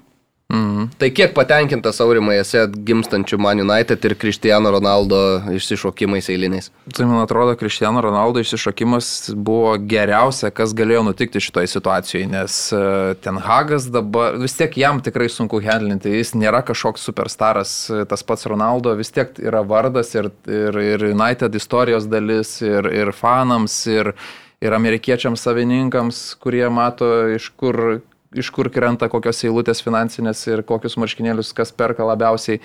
Tai kaip Ronaldo padaro tą nesąmonę ir pats išeina 88 ar 89 minutę iš, iš stadiono, tai vis, visos kortos dabar ten Hago rankose ir, ir jis tą situaciją gerai sugendlino, taip tobulai, man atrodo, viskas dabar įvyko ir Ronaldo atrodo nebekels bangų, o susitaikys su tuo, kas jam skirta lemta ir sausį tiesiog išvyks kažkur kitur. Jeigu, jeigu net, netenkins jo tas 10-15 minučių ir kai kurių rungtynių nuo starto pradėjimo vaidmuo, kas matom, kad netinka ir ten nereikalingas tas konfliktas užprogramuotas buvo. O kalbant apie rungtynes, tai man patiko Thierry Henry, kuris komentavo, analizavo tas, tą mačą ir Rešfordui tokių aiškių patarimų davė, kad nu, nereikia smūgiuoti iš visos jėgos, žinom, kad Rešvardas mėgsta taip jau lupti ir ten vartininkui kartais sveikatai pakengto, sako, tu iš šonų pastatyk tą koją, parist kamuolį, kraštą ir viso gero. Tai galėtų vat, pamokyti jaunuolį kartais, nes jisai atsiduria vietose, kuriuose tikrai galėtų muš žymiai daugiau įvarčių, tiesiog jų nemuša. Ir čia bėda, bėda ne tik United, bet ir, žinom, po to vyko rungtynė su Chelsea, tai abi komandos, kurios pinigų turi, taškosi tais pinigais, bet va, to polėjo tokio ir neturi, kuris, kuris muštų įvarčius. Kaip tau, Mariu, teisinga buvo Tenhago, teisingas Tenhago sprendimas? Šiaip dar tik įvedant į visą tai, kiek teko skaityti, Manchester United klubo vadovai paliko Tenhagui sprendimo laisvę dėl Cristiano Ronaldo, ką reikia daryti. Tenhagas pasirinko palikti jį užrybyje rungtynėms su Londono Chelsea Bet e, Man United vadovam visiškai tiko šitas Tenhago sprendimas, jie jį palaimino ir, ir Ronaldo nebuvo tame mače. Tai visų pirma apie šitos situacijos išsprendimą ir visų antra apie tai, kokį žaidimą pademonstravo United. Tai turbūt, kad teisingas sprendimas, tai treneriui kažkaip reaguoti reikia, žaidėjo poelgis yra vaikiškas, dabar jau akivaizdu, kad žaidėjas gailisi ir jau panašu į tai, kad atsiprašo, tiek už savo elgesį, tiek, nežinau, komandos draugų, sakė, vėl būsim vienas kumštis, netrukus bus matyti, kaip, kaip, kaip čia seksis, bet e, man atrodo, kad treneris prieimė tokį sprendimą, kokį turėjo priimti toj e, pusėje. Iš kitos pusės, akivaizdu, kad šitas, nežinau, ar tai, ar tai buvo pagrindinė priežastis, bet šitas dviejas rungtynės su tikrai stipriomis komandomis, nu, Manchesteris sužaidė labai solidžiai, sakyčiau, tiek laimėjo prieš Tottenhamą, tiek e, su Čelsiu, jeigu būtų Rešfordas, sakykime, įmušęs tuo savo progas, pirmų kelnį, Antonis vienas mm. prieš vieną išbėgęs, vėlgi proga. Ne dešinio, kai yra būtų. Mušęs. Jo, tai tai ir Tenhagas tą ir akcentavo po rungtynių, kad na, tikrai žaidėm, žaidėm neblogai, reikėjo nuspręsti viską ir po to tu pasidarai tokį baudinį nu, ir ir, ir turi vargti ir, ir jau tik per stebuklą iš vis nepralaimi, bet, bet aš sakyčiau, kad bendrai pagal kokybę, pagal na, turinį, tai man atrodo, kad na, Tenhagas su, įvertinus tai, kokie varžovai buvo, tai šitie du mačai tikrai buvo vykę ir, ir jau negali sakyti, kad nu, visiškai beveido komanda dabar. Tu, Bet aišku, vėl rungtynėse su Čelsiu, na, tikrai tik stebuklas, sakykime, tai. tai nes, centimetrai nes, nes smūgis toks, koks ten smūgis, gerai, bet vėl nuo virpsto, tada kepa labai nedaug trūko, kad ištrauktų, atrodė, ne taip plika akim, kad gal net ir ištraukė, bet... Ir iš tų pakartojimų ten, nu negali pasakyti. Nematau, gal pan... matosi, ten buvo taip sustabdyta vienu metu, vienu metu atrodo, jo, paskui jau... Ne, nėra, jo, po to, jo. kai atleidžia tą, dar tu matai, kad vis tiek tarpelis lyg tai toks yra, mm. žinai, per, per, per tą, bet... Na nežinau, sakau, man atrodo, kad, kad šitie sprendimai Ten Hago ir šitos dvi rungtynės, na, bent jau nuteikia optimistiškai prieš, prieš neaišku, kaip bus, aišku, šitai komandai akivaizdu, kad, kad trūksta stabilumo ir vėlgi tie tokie baudiniai vak, pasidaro minut. Nežinau, kažkaip maktonai.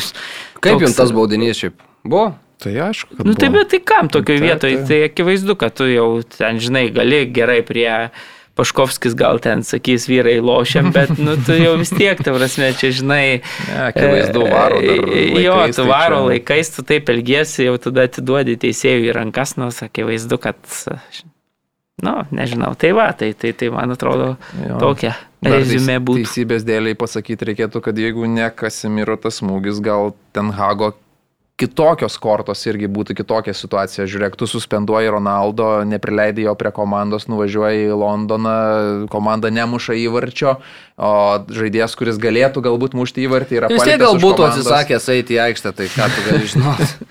tai taip, bet žinai, Anglijos spaudimas milžiniškas, o ypač kai toks vardas e, paliktas už komandos, tai nu, tikrai jam ir visiems, visai United labai žaidė, manau, gal net truputį geriau tose rungtynėse, bet kai 87 minutę praleidai įvartį ir kad išsikrapštai, be Kasimiro tose rungtynėse buvo iš vis kosminis, jisai kiek atliko jodo darbų ir atrodo, kad gal apsipranta toje komandoje ir toks tas tampa lyderis, stuburas, kuris gali vesti šią komandą į priekį ir Tik gaila, kad Rafaelis Varanas patyrė traumą, mm. tik tais panašu, kad nėra tokia labai baisi ir jisai gali net į pasaulio čempionatą vykti, jeigu jį imtų, tai jis tai ten turbūt tik pirmas rungtynės praleistų. Tai, bet atrodė liūdnokai tas vaizdas, kai net pats žaidėjas apsiverkė, tai supranta, turbūt atrodė, kad ten turbūt raišiai, bet ten panašu, kad tik tais patempimas kažkoks ar kažkas rimtas. Tai... Okay. Bet Gremas Poteris perėmęs komandos vairą prieš mėnesį vis dar nepralaimėjęs. Be pralaimėjimų žingsniuoja ir tu mm. ten žaidimas, ką žinau, galima visai uh, svarstyti, kartais geriau, kartais prašiau.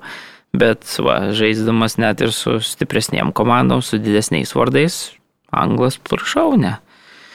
Nepralaimė. Gerai, gerai. Tik polėjo jam ir Brightonas neturėdavo polėjo ir čia nelabai turi to polėjo, nežinau, Abamjangas, nežinau, kad kur jo...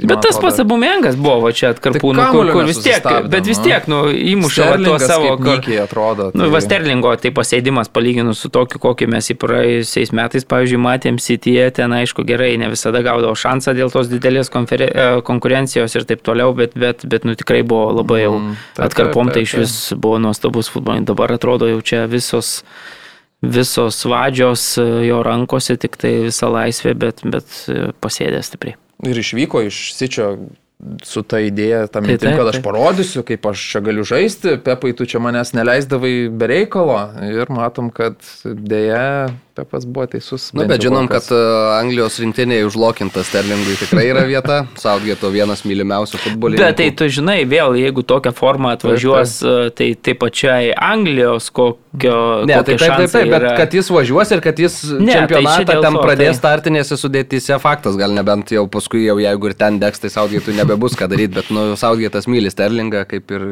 kaip ir myli Keiną priekį. Tai va, apie šitą tiek ir galim pratesti Tottenhamo temą. Kalbėjom apie rungtynę su Man United, žaidė su Newcastle vėliau ir patyrė pralaimėjimą rezultatu 1-2. Visų pirma, pirmasis įvartis buvo Jorisas palieka vartus. Uh, Vilsonas e, pastoja kelią, įmuša labai gražų šiaip įvartį, labai techniškai viskas, viskas padaryta, virš gynėjo kamuolys paleistas, Jorisas ten kažkur laukuose ir labai norėjo pražangos. Tottenhamas, bet pražanga nebuvo užfiksuota.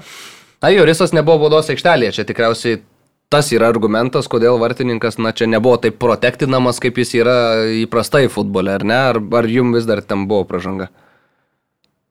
Nežinau, aikštė žaidėjas, jeigu taip būtų, aišku, tai viskas labai ne, nesgrabiai taip atrodė, nu, tiesiog netrodė, kad jis turi intenciją prasimesti tą kamulį, kaip, kaip bandė savo poziciją apginti Larisas, bet, bet žiūrint taip teoriškai, tai jis pasimušė kamulį ir norėjo bėgti toliau, kelio jam pastoja varžovas, tai plus dar ta ranka, taip iš, vien, iš vienos kameros žiūrint, atrodė, kad kaip ir neleidžia bėgti toliau Nežinau, aš ma, kaip žiūrėjau tą varą, aš maniau, kad skirs pražangą, bet, bet jos neskyrė.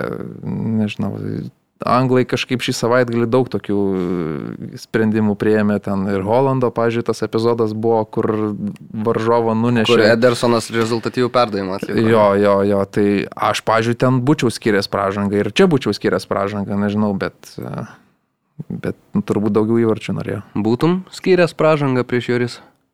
Ne, turbūt, bet, bet aš suprantu ir tuos argumentus, ir tuos. Man atrodo, kad uh, Kodėl nebuvo skirta pražanga, tai Vaurimas labai neblogai pasakė, kad nebuvo tokios visiškos kamulio kontrolės. Mm. Prancūzas ne, nevaldė to kamulio, ne, ne, jo, nekontroliavo jo, jis ten tiesiog toks, nu, gavosi 50 ant 50 kažkoks bandymas, na, du kaktom mm. susimušė vienas, vienam nukrito kamuolys, pramušė puikiai, kai rekoja įmušė į vartį. Tai, tai Man atrodo, kad nu, logiškas sprendimas, ne, ne, ne, nežinau, aš vartininko turbūt jeigu jau bėga tenai, tai vartininkas arba turi kamolį išmušti, jeigu jis to kamolio jau neišmuša, kas šiuo atveju tai jau yra vartininko klaida ir jeigu teisėjas, na, tai traktuoja kaip jau vartininką truputėlį suklydusi, na, tada jau nereikia kažkokiu laukti šio dovanų, kad ten skirs tokią 50-50 pražangą. Tai Tai man atrodo, bet reikia pasakyti, kad net ir antrame įvartėje vėl Loriso tas perdavimas toksai. Taip, taip, taip, taip. taip. Sudegino ant komandos. Sudegino komandą, jis tuo perdavimu. Ir Almironas Fuko puikiausiai leido ir nu,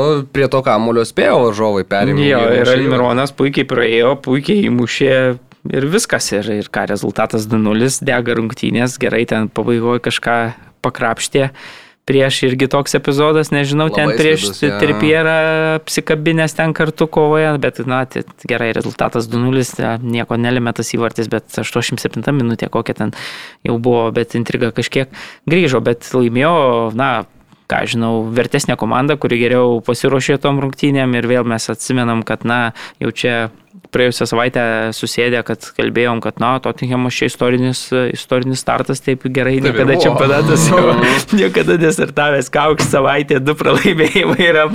Ir tokie nykus labai.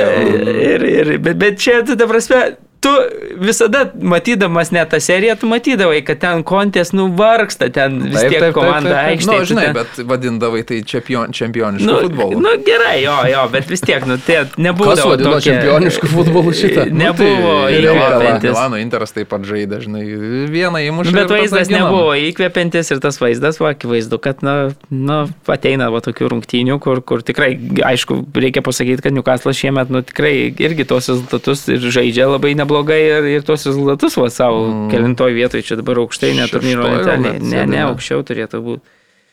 Newcastle'as ketvirta vieta mm. šiuo metu, taip kad Šarkos. Saudo Arabijos pinigai. Taip. Bet realiai tų pinigų ten labai daug įleista nebuvo. Nu, po truputį, po truputį. Bruno Guimairašas buvo nupirktas. Ir labai gerai lošia šiaip. Jis labai, tikrai... labai pakeitė, bet čia dar praėjusią sezoną, o šią vasarą Botmaną nusipirko gynėją, kuris tikrai labai gerai vertinamas, bet šiame sezone ne visada jis gauna laiko pažaisti ir žaidžia su senais ar, arkliais.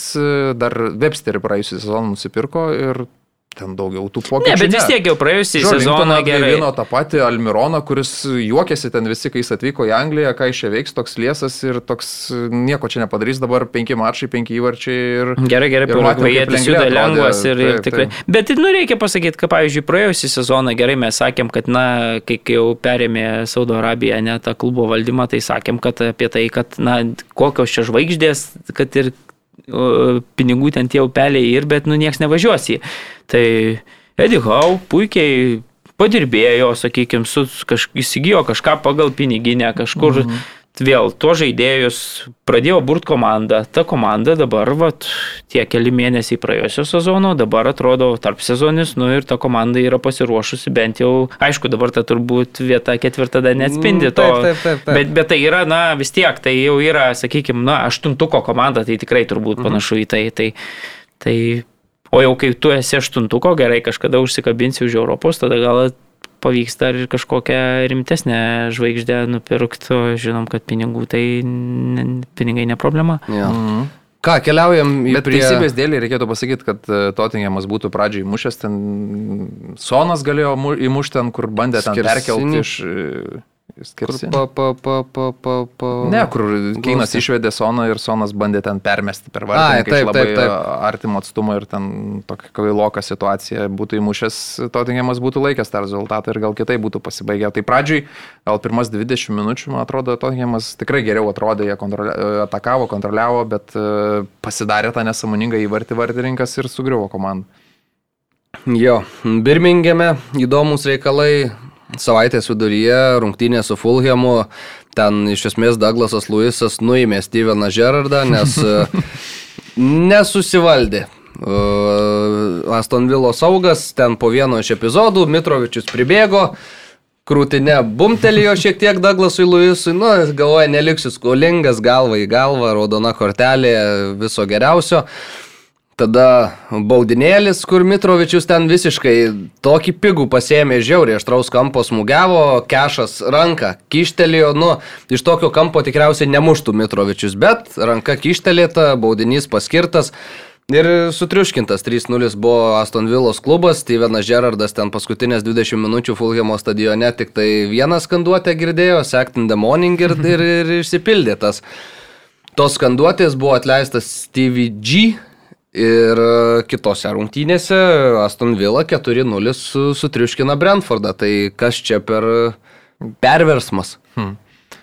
Man įdomiau, šiaip Stevie G gal jisai paskutiniu metu, kai jau degė visiškai, jau matė, kad uh, tikrai prasta situacija, gal stengiasi tą komandą įstatyti tokius rėmus, liktais labiau gintųsi jinai ir nežinau, gal to, kai trenerio nebeliko, gal išsilaisvino, nežinau, iš tikrųjų tas keistas rezultatas su Brentfordu 4-0 tikrai nesitikėjau tokio ir, ir, ir, ir nedaugelis turbūt laukia. Uh, Bet uh, turbūt reikėtų kalbėti apie tą naują vairininką, kuris atvyksta taip, taip, taip. į Birmingemą. Tai keiščiausia, tikrai labai keistas transferis, kai tu dirbi komandai, su kuria Ispanijoje gali ten ir, ir grandams pakrapštyti e, nervus pagazdinti, o staiga vyksti į klubą, kuris gyvens kovos dėl išlikimo Tai...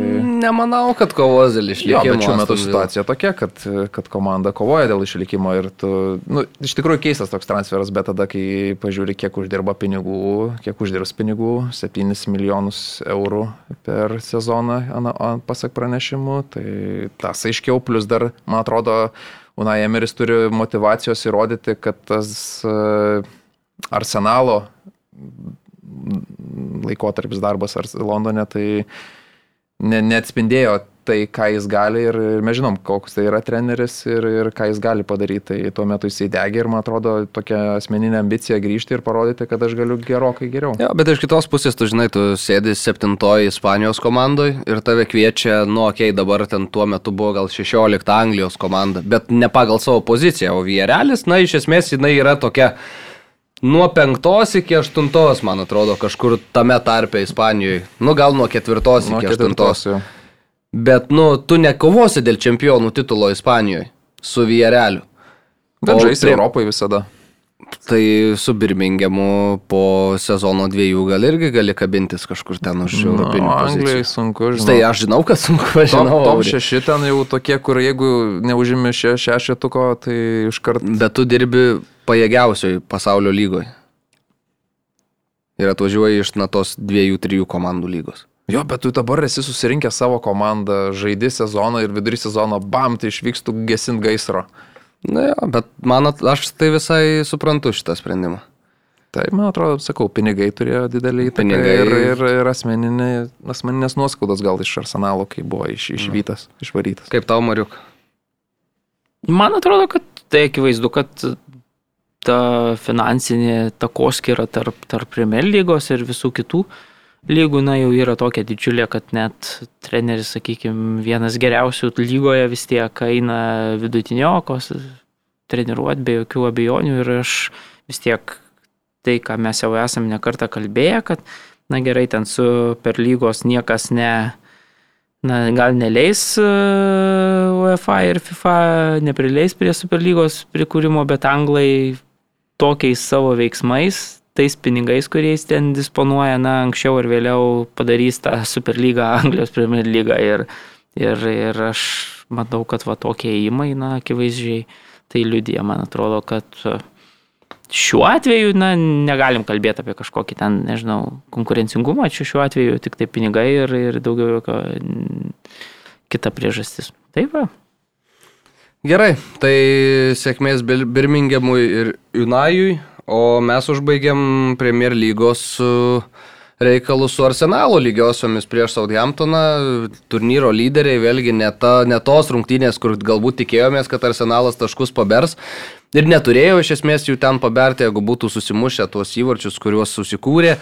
Bet e, viskas baigėsi vienas vienas. Granitas Džeka po balkių padėjo 11 minutę kamolį, bet galiausiai Armstrongas išlygino rezultatą ir e, daugiau neįmušė arsenalas, nors progų tikrai turėjo ne vieną, ne dvi ir ne mhm. tris. Įvarčio nesurado ir dabar jau Sitis šiek tiek artėja, iškovojęs pergalę 3-1 prieš Brightoną. Tai karma, man atrodo, atsisuko, nes Lycija tikrai turėjo pamest taškų, o ten nepametė, o čia pametė. Ir man atrodo, gylis komandos, nu arsenalui tikrai trūksta gylio, jie neturi tų žaidėjų, ką nuo solo pakelt, kad pakeistų. Ir šiaip, pat, pažiūrėjau, ta ataka Benas Vaitas kraštu, šiaip kas stebina, kad jis visai taip atrodo apsipranta to dešinio krašto mm. gynėjo pozicijoje ir vis drąsiau ir, ir to pavojaus polime daugiau kelia. Tai labai geras jo perdavimas ir Grindas Džeką muša įvartį, ko irgi iki šio sezono taip nelabai tikėtumės vieną kitą įsimuždavo, bet toks būdavo skrymeris iš labai toli, o dabar jis įbėga į tą baudos aikštelę ir, ir tvarkosi ten, jo rezultatyvumas tai iš vis kosminis. Tai ne tie du žaidėjai, iš kurių gal lauktum įvarčio. O kiti, kiti to įvarčio nesubrandino ir tai pasižiūri tą atsarginių suolą, kai arsenalas žaidžia, nu nelabai yra ką ten pakelt, kad, kad tau įmuštų ir kai, kai reikia arba pakeistų tą žaidimo tiekmę. Tai... Bet žaidė vėlgi neblogai, taip, taip, taip, vėlgi taip, taip. turėjo laimėti per dėlyg Žesusas, kiek neįmušė ir taip toliau. Ir arteta po šito mačo, nu aš irgi visiškai sutinku, nu patys kalti, jeigu tu tiek nerealizuoji ir tiek, tai tada vis tiek palieki tą galimybę. Nu. Vieno įvarčio. Beje, Linusui perdavimas puikus mm. iš tikrųjų Armstrongo, jeigu jau kalbėjom apie Vaito tą perdavimą, tai ir tas plemba gerai ir praėjo ir įmetė ir tikrai ataka labai tokia, tokia, tokia ataka, kokią turi tas uh, underdogas mušti įvartį prieš tokį žaisdamas uh, didelį vardą, esant rezultatui 0-1, toks viskas atrodo čiuk, čiuk, čiuk, trys pasai puikus užbaigimas, rezultatas 1-1 ir viskas. Jo, tai Osičio ne, ne, nepaliečiam. Tai gali paliesti du Holando įvarčiai. Nu, tai bet pirmas įvartis, tai nežinau, jeigu teisėjai leis taip Holandui žaisti, tai jisai nebe, nebe po du, po keturis muš. Dviejų kietų vyrų susidūrimas, nu, žinai, bet, iš kurių vienas liko ant kojų. bet tipo petis į petį, bet kai tavo ranka varžovai nugaros, tai kaip gali būti petis į petį? Žinau, man tai nesinorėtų tokių pražangų kad švilptų. Mhm. Nu, bet tai žinai, tai užauks kitas, paims iš amerikietiško futbolo arba Adamo Tararė, leisi taip žaisti, tai jisai tiesiog bėgs su varžovais ir mušyvaršys. Man atrodė truputį peržengtos ribos, nes uh, varžovas, laukas ten buvo šalia. Uh, Nepamenu dabar, kuris ten gynėjas buvo. Raitano aukšta augis. Jis buvo arčiau kamulio, bet, nu, taip, įvyko kaip įvyko. Bet uh, 2-0 Sitis pirmauja, atrodo viskas ramu, tada Marezas laisvas iš, nežinau, 8 metrų muša į vartus, nesugeba įmušti. Sančiasas patraukia, gelbė komandą, nubėga į kitą pusę, iš aštraus kampo į artimą į vartų kampą įmuša Trosaras 2-1. Ir Visiškai Edersono kliurka, jo, kaip, jo, į savo, kampą. kaip į savo ir kampą. Ir tada Brightonas taip pradeda dominuoti, kaip tu nu, negal, negalėtum patikėti, kad galėtų atvykusi komanda, kuri netgi nėra ten, nu, vidutiniokas, ar ne? Ir jis visiškai Sičio stadione dominuoja. Ten, ta prasme, jie turėjo įmušti tą išlyginamą įvartį tiesiog, vat, kad neturi to polėjo. Ar to, to tokio jau, aš lemiamo killerio instinkto tuo momentu ir, ir Debriuinė pasprendė gražių tolimų smūgių. Tai 3-1 ir tada vėl Sičiui. Sitis tokia komanda mes matėm ir sezonais, ypač e, čempionų lygoje. Jeigu jiems viskas klostosi gerai, jie viskas gerai, bet jeigu jie pradeda truputį svilt, degt, kom, ne pagal jų braižą viskas vyksta, atsiranda kažkokios panikos, nežinau, kaip, kaip gali Brightonas kontroliuoti kamolį. Tai buvo tokių momentų, kai atrodė, Sitis praranda tą kamuolį ir vėl Brightonas ant tavęs lipa. Nepavyksta taka, vėl jis atima kamuolį ir vėl ant tavęs lipa. Tai nusitis turėtų kontroliuoti tą kamuolį ir, ir, ir ne, ne, neprisileis prie savęs. Tai kartais atrodo, komanda vat, pameta tą galvą ir, ir šitos rungtynėse pametė ją, bet iš, iš, išlipo sausiai iš balos. Jo, teisingai, aurimai viską apžvelgiai šitose rungtynėse, o mes ką galim e, keltis prie vėjos priežiūros Huskvarna ir toliau yra mūsų partneriai. Futbolas ir Huskvarna puikiai vienas su kitu dera, tą mes jau esame išsiaiškinę ir praeitose laidose, nes abiem rūpi vėja.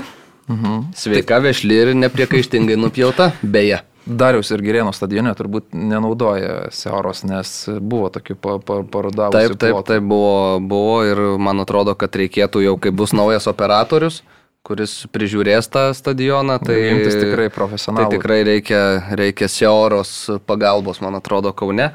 Šiemet Guskvarna jau kaip supratot ir kaip jau žino, tikriausiai dar tvirčiau žengia į viešųjų erdvių vėjos priežiūros rinką ir pristato išskirtinį produktą - robotą vėjapjovę Seora. Darbo zona nustatoma šitos vėjapjovės palidovo pagalba, tad nereikia ten tų visų, jau kaip esam kalbėję, laidų kaip sode, bet sodo neprižiūrėsim. Seora reikia didesnių plotų jai.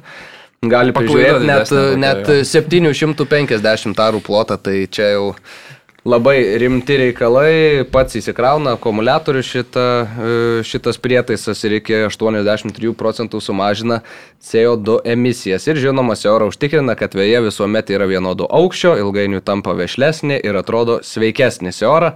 Patikimas sprendimas, leidžiantis pamiršti aikštyno vėjos priežiūros rūpeščius. Tai va, tai jeigu turit aikštynų, jeigu turit labai didelius plotus, kuriuom- kuriuos reikia pjaut, tai įsigykit Seorą ir pamirškit tuos visus rūpešius, nereiks traktoriukų važiuoti, nereikės žauliapėvės stumdyti, viską už jūs padarys Seora. O mes ką, sugalvojau, taip vyrai, žinokit, kad prie serijos A pirmiausiai eisim žvelgiant į kitas rinkas, ten Juventusas Empolį nugalėjo 4-0, AC Milanas 4-1 Monza. Berlusconi biški nuleido ant žemės AC Milano vyrai, o Fiorentina Interas čia jau reikėtų staptelt, nes... nu, Galima dar prie to, gal Monzos su, su, su serija jo Berlusconi nuleido, bet reikia pasakyti, kad Berlusconis čia toks buvo na, istorinis mačas. Taip, taip, taip. Berlusconis su Galijaniu dabar dirba abu mm, Monzos klube. 17 metais pardavė Milaną, 18 įsigijo Monzą. E, Na ir, ir dabar tas sugrįžimas toks į, į tą Sansirą buvo labai stipriai aptarinėjamas Italijos žiniasklaidoje. Vėlgi buvo laukiama, kad gal Berlusconis net tribūnai pasirodys, tribūnai nebuvo, buvo tik Galianis, bet uh, direktorium dabar Monsos klube dirbantis specialistas uh, taip šiltai su uh, Maldiniu, kuris direktorium dirba dabar Milane, taip tokia tikrai buvo daug sentimentų, bet uh, akivaizdu, kad aikštėje buvo dvi visiškai skirtingos komandos ir 4-1 nugalėjo Milanas. Jo, o Fiorentina Interas 4-3 šver- šventė pergalę Interas, visų tų rungtynių tiekvė, na visiškai neįtikėtina, du įvarčius muša Interas, atrodo kaip ir viskas gana ramu, vėliau du įvarčius muša ir Fiorentina. Tuomet 11 m baudinys ten vartininkas Lautaro Martinėse baudos aikštelėje pasigavo. uždirbo, pats įmušė. jo. Ir Lautaro Martinėsas muša įvartį, bet uh, Jovičius 90 minutę uh, gražių smūgių po standartinės situacijos uh, lygina rezultatą, Fiorentina švenčia, jau taškas kaip ir kišeniai, bet Henrikas Miktarianas sako, palaikykit mano nealkoholinį ir pamirštas varžovų gynėjo Bet išlenda. ten e, pasisekė. sek- pasisekė, Kažkiek jo, pasisekė. išmušinėjo kamuolį, pataikė į jį per pridėtą laiką toks. Penktą visiškai pridėto pergal- laiko minutę pergalingas įvartis. įvartis, čia toks visiška nesėkmė iš tikrųjų Florencijos komandos, tikrai nu, labai Bet didelis nusivylimas. bet- visiškai.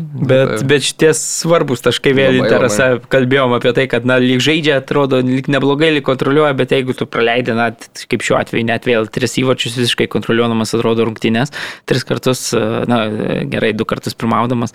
Bet neturėdamas dviejų įvarčių persvarą ir, ir tada viskas baigėsi, kad tu tik penktą minutę turi ten kažkokiu gynėjų išmušimu pasikliauti ir, ir, ir, ir įkrenta tas įvartis įvartis toksai. Tai, tikrai, jo. tai, tai, Pirmas šiame sezone Henriko Jurits. Tai... tai va. Pirmas ir... Bet labai svarbus taškai, Labai faktas, kad- svarbus. kad- Ir kad- Interas dabar toliau septintas, po 21 tašką turi su šešta esančia Udinėse. Roma yra penkta su 22 taškais ir Roma žaidė su Napolio komanda sekmadienio vakarą namuose.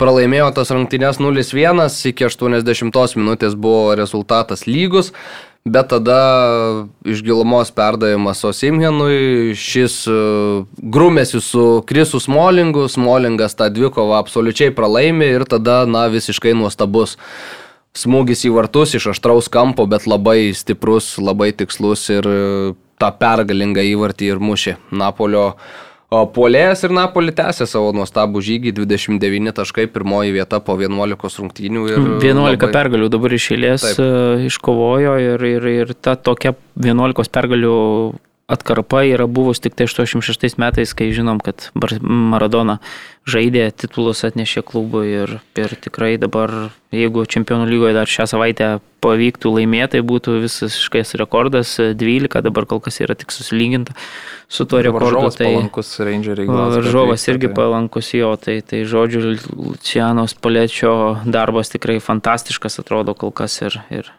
skaičiau čia savaitgalį, kad uh, prieš sezoną Spalečio e, Fiat Panda pavogė kažkas.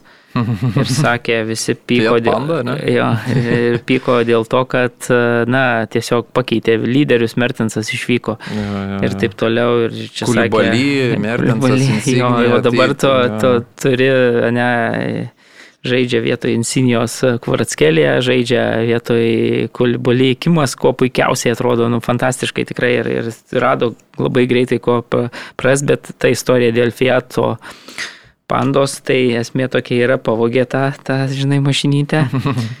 Ir tada toks buvo fonas neigiamas, kad e, per vienas pirmųjų rungtynių iškėlė plakatą, kad sirgali kad jeigu nori, kad ten, nu, kad gražintume tą pandą, tai ten kažką, ai, pasitraukimo prašė ar, ar kažko, žinai, nu, galiausiai viskas pradėjo komanda laimėti.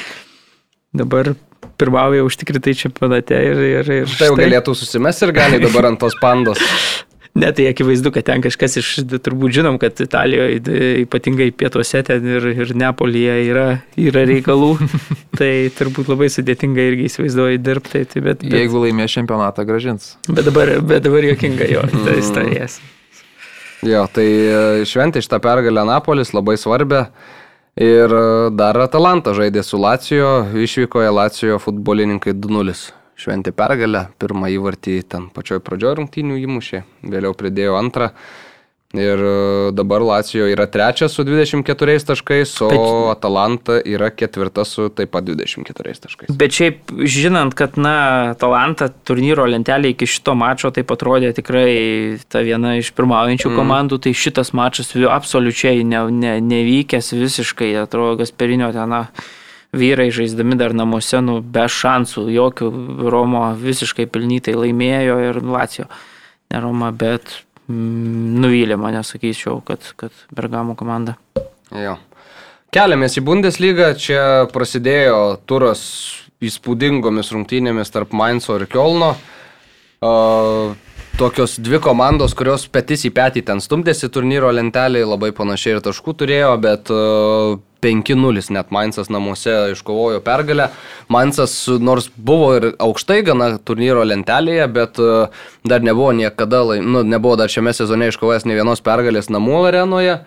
Visus, visas tas pergalės buvo susirinkęs išvyko į Kielnas, mes žinom, kad tikrai pajėgus varžovas ir, na, tikėjausi bent jau iš tokių artimų rungtynių, bet e, Ingvarcenas iš pradžių mušė įvartį, tada Kilianas pasėmė raudoną kortelę tokią, na, padaręs tokią pražangą, kur tu turi suprast, kad tu geltoną gausi, o kai tu vieną geltoną jau turi, esi vejamas iš aikštės ir ten Nieko ypatingo daugiau ir nesukūrė Kielnas, e, sumušė iš viso penkis, kaip ir minėjo Mainzo futbolininkai, bet e, mane labai dėl ko aš prieš tų rungtynių norėjau nuo šitų rungtynių ir pradėti, nors iš esmės, na, nieko čia jokios intrigos nebuvo, bet uh, tai, kas vyko po rungtynių, Kelno fanų labai daug atvyko į Mainzą, buvo labai girdimi, labai girdimi net ir kai komanda atsilikinėjo labai stipriai. Ir Baumgartas su ta savo kepuryte, ten žaidėjai po tą aikštę lampinėje po rungtynių, bet Baumgartas susikvietė iš pradžių visus, visą savo štabą, apsikabino aikštėje, kažką pasikalbėjo ir tada kaip tikras lyderis, kaip tikras, na, vis tiek, Baumgartas iki šitų rungtynių per savo karjerą Kielne vidutiniškai renka po 1,55 taško. Geriausias rezultatas klubo istorijoje. Ir jis, turėdamas matyti tą, nu, suprasdamas visą situaciją, matydamas ir tų sirgalių reakciją, jis nueina pas Kielno ultras, užlipa tom kopėtėlėm, paspaudžia visiems rankas Ir tų ultrų reakcija man irgi labai patiko. Jie rodo treneri, mes su tavim, viskas yra gerai, supratom, nu visiškai ne mūsų grajų šiandieną buvom, ankstyva raudona kortelė. Jie paploja, jie paskanduoja, Baumgartas pasikalbėjo su jais, eina pro sirgalius įrodo, nu, tai eikit dabar ir jūs, nu, ta prasme, taigi viskas yra tvarkojo, tie, žinai, stovi, nosis nukabinę, bet toks lyderiškas labai buvo gestas iš trenerio, sirgaliai supranta, mes juos suprantam, žodžiu, visi vieni kitus suprato, viskas buvo išspręsta labai gražiai šitoje situacijoje, nes esame matę, kai patirimi tokie pralaimėjimai, ten prasideda šūdų malūnai iš tribūnų, čia viskas labai gražiai, viskas labai, labai fainai išspręsta, tai tikrai labai labai toks šaunus epizodas ir toks pavyzdinis, net sakyčiau, iš sirgalių ir komandos santykių vadovėlio. O toliau Vokietijoje, ką žinau, Borusija 5-0 e, susitvarkė su Štutgartu, reikalinga, man atrodo, tokia pergalė buvo Borusijos futbolininkam, kurie šitam sezone, na, sakykim taip, e, netrodo pats aštriausias peilis stalčiui, nes e, net ir dabar pasižiūrint į tai, kokį Nu, įvarčių santykiai turi, tai plus 4, bet turint omeny, kad šitas rungtynės laimėjo 5-0, tai prieš šitą mačą dabar penktoje vietoje esanti Borusija turėjo minus vieną įvarčių santykį, kas irgi daug ką pasako, nes atsiminam, rinko tas pergalės po 1-0, 2-1, kuomet laimėdavo, kuomet pralaimėdavo, būdavo ir skaudesnių rezultatų. Galima paminėti, kad e, paaugliai čia visiškai uždominavo šitą mačą. Belingiamas 19 metis, Mukoko 17 metis. Reina, Reina, ne, Reina 17 metis, Belingimas su... Ne, ne Reina 19 irgi. Taip, taip, taip. Tai pirmas iš vis mačas e, Bundeslygos istorijoje, kai iki 19 metų trys žaidėjai skirtingi muša, muša įvarčius, tai, tai visiškai uždominavo ir... ir... Jo. Bayernas nugalėjo Hoffenheimą 2-0, pačioj pradžioj rungtynių musialą ten paliktas absoliučiai laisvos baudos aikštelės standarto. Buvau metu. prigulęs, taip galvoju, pa, pa, pradėjau žiūrėti. Žiūriu, eina į vieną pusę, ten tik tai laiko klausimas, jau kai čiupamotingas įmušė, plumtelėjau per pertrauką, kokiai atsikeliu 70 minutę, kažką reikia jau daryti. Bet žodžiu, nu, tai visiškai lengvai. Kaip čia dabar čiupo motingą sodins ant suolo ar ne? Ar, ar, ar bičiulis išsikovoja savo vietą? Na, no, jis toks, man atrodo, valandos žaidėjas jau tapęs toks Bayernė dabar. Bet, bet, bet esmė, kad ir tokius įvarčius, kokius dabar muša, tai visiškai iš Lewandowskio. Jo, jo, jo, jo, toks atrodo pakeitęs Lewandowskis. Žinom, kad aišku vis tiek Bayernas su savo ten tuo atakuojančiu potencialu tikrai tų progų va tokių prikurs. Tai kaip šitam epizode, pavyzdžiui, puikus gnabry perdavimas, jam reikia užstatyti koją, labai gerai užstatyti, bet jis tą šiuose rungtynėse bent padaro. Žinom, kad mhm. aišku, tai ne faktas, kad e, bus rungtynėse čempionų lygoje, kur nors mhm. ketvirtfinalyje prie rezultatų 0-0, kad tai bus. Dabar čia, aišku, pirmauja, tai 1-0, viskas ok, pirmąjį vartybėje muselą įmušė pastaruoju metu, tikrai for, puikia forma demonstruoja, puikia. Šeštas, man atrodo, jau šiam sezonė. Jo, geras įvartis. Asistų gal penkis turi. Nukrito tai... kamuolys patogiai, bet pramušta po... po, po ir protingai sužaidė, protingai. tą mušiai ten, kur reikėjo. O ir anksti labai įmušė įvartį, tai, tai, tai viskas gan taip ramiai po to sakau. Galėjai net ir pamiegoti, ne? Ne, nu, užmigau po pirmo kelnio, taip jau per pertrauką ir tada žiūriu pabudęs, kad jau kažkur ten 68 kažkur minutė, bet... Nieko nepraleidai per daug. Čia panašiai, kai, kai, kai savaitgalį irgi jau sekmadienį bandžiau žiūrėti, ką aš ten žiūrėjau, pirmą į Romą, bandžiau Romą žiūrėti su su, su, su, Napoliu. su Napoliu jo ir po pirmo kelnio, kad baigėsi pirmas kelnys, galvoju, tai reikia jau Barceloną jungti, jau čia va, perėjimas čia gali būti. Dar ne. Na, ne. Tai Barcelona, žinai, įsijungiu 3-0, o ja, tau.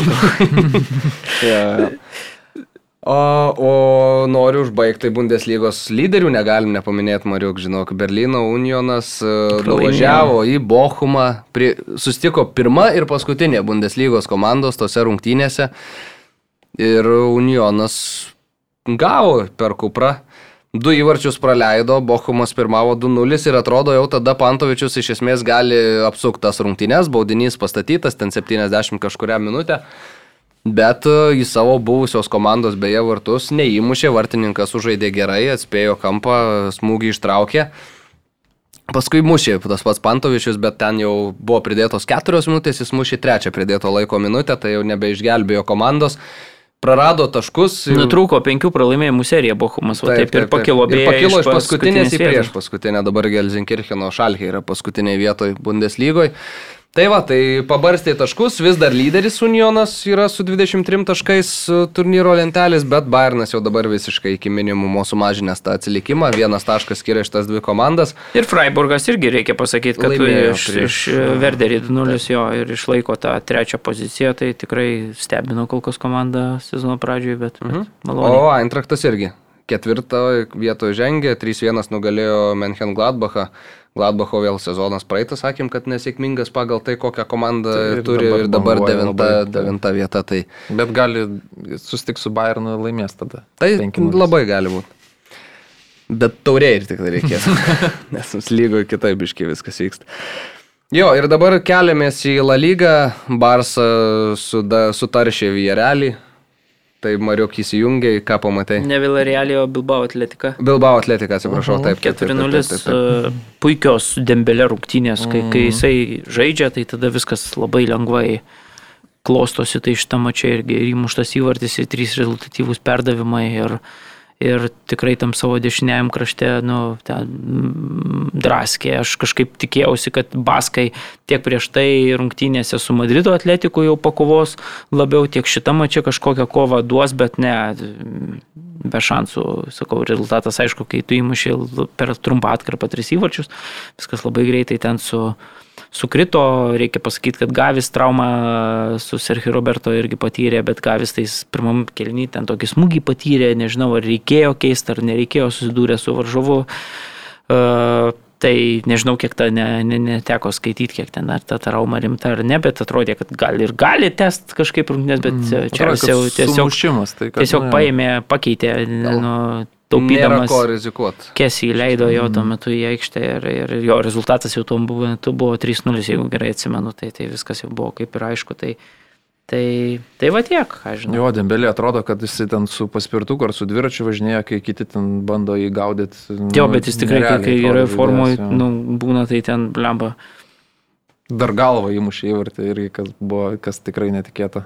Jo, o Atletiko 2-1 laimėjo prieš uh, Betisą, uh, Grizmano dublis ten ir... Svečiuose. Tai Grizmaną jo reikia irgi pagirti, kokie tie įvarčiai. Pirmas tai olimpinis iš, iš kampinio, o antras toks irgi, nu, blemo, vartininkui ten tikrai nesinorėjo žiūrėti pakartojimo, nes toj situacijai, kaip čia paspręs, ką čia daryti, žiūri, nėra kam perdavimą atlikti.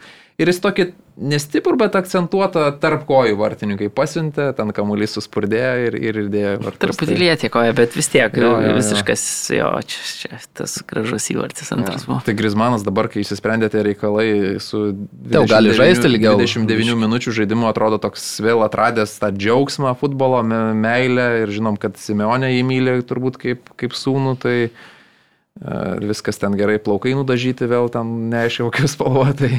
Ir nepaisant to, iš tikrųjų vis tiek tas Pekiro baudos smūgis fantastiškai Su- atliktas, tiek gražino.